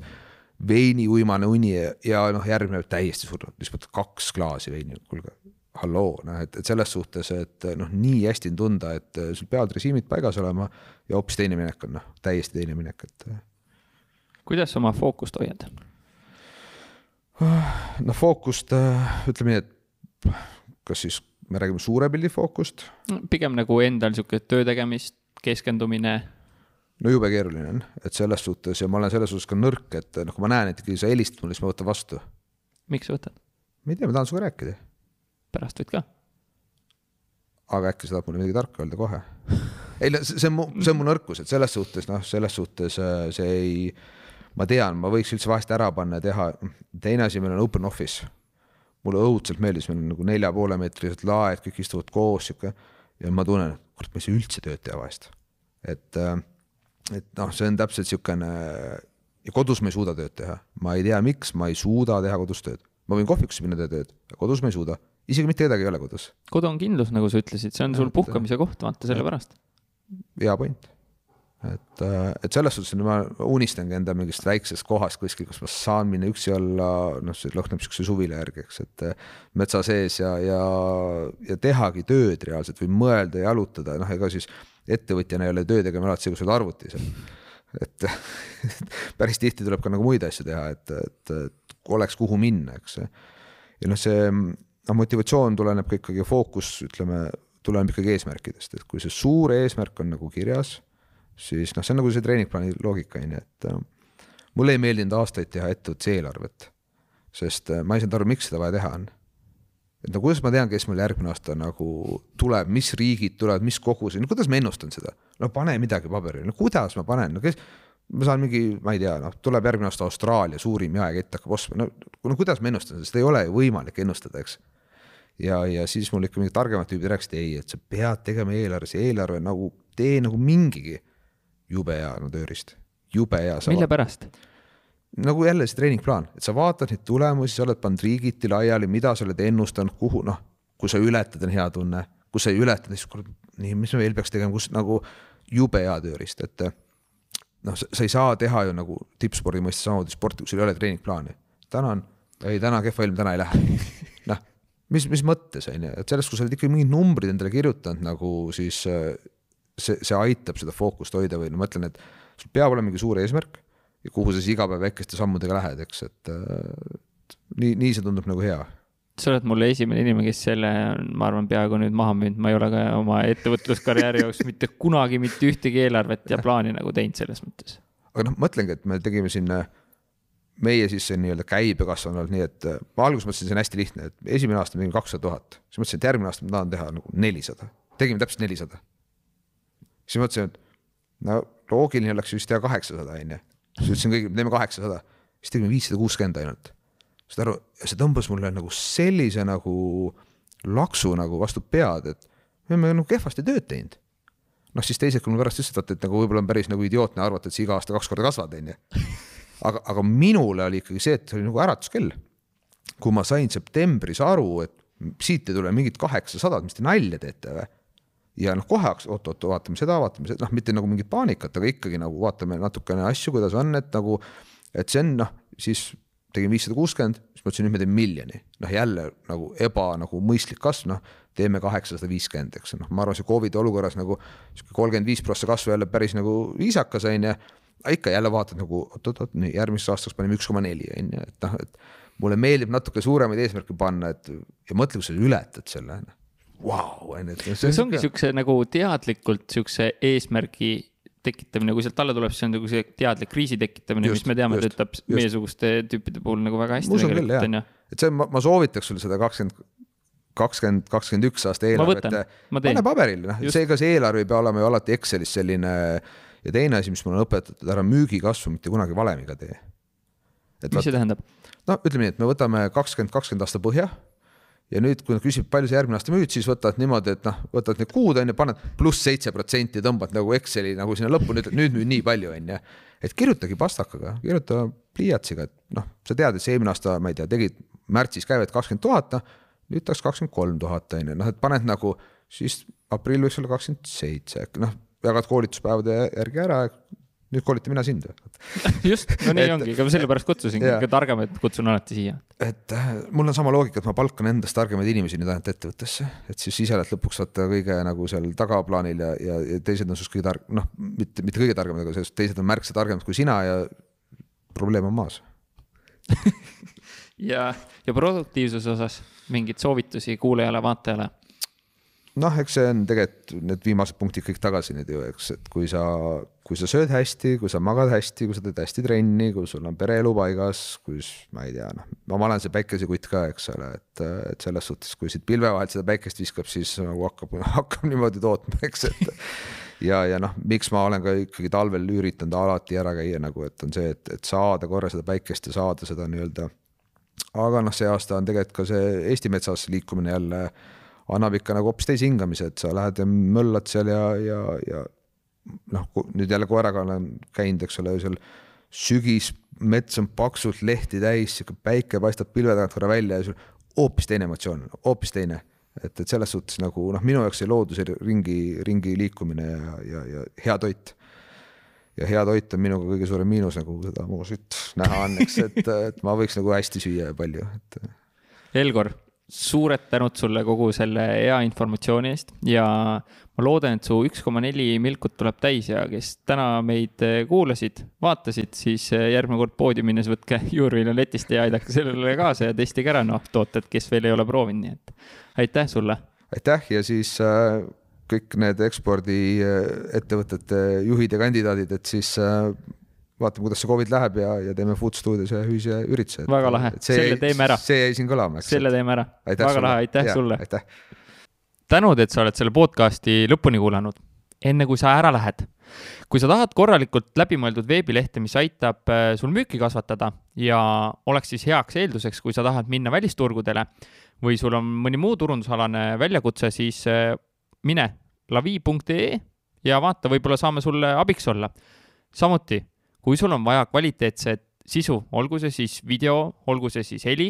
ja nõuga, kuidas siis seda levitada, eh, et oma klientidele väärtust luua ja jälgijaskonda kasvatada, siis maratonstuudios.ee on kindlasti see koht, mida uurida ja kuskohast alustada. olen Ahti ja Markoga väga palju koostööd teinud, teinud erinevaid projekte ja seesama podcast Ekspordime, mida sa kuulad, on siinsamas Maraton stuudio sees salvestatud. ja julgen neid mehi nagu tõsiselt soovitada. ja miks? on see, et nad on profid, nad hoolivad sinust, nad teevad asja hingega ja noh, sellist komplekti või kokteili kohtab ikka väga-väga harva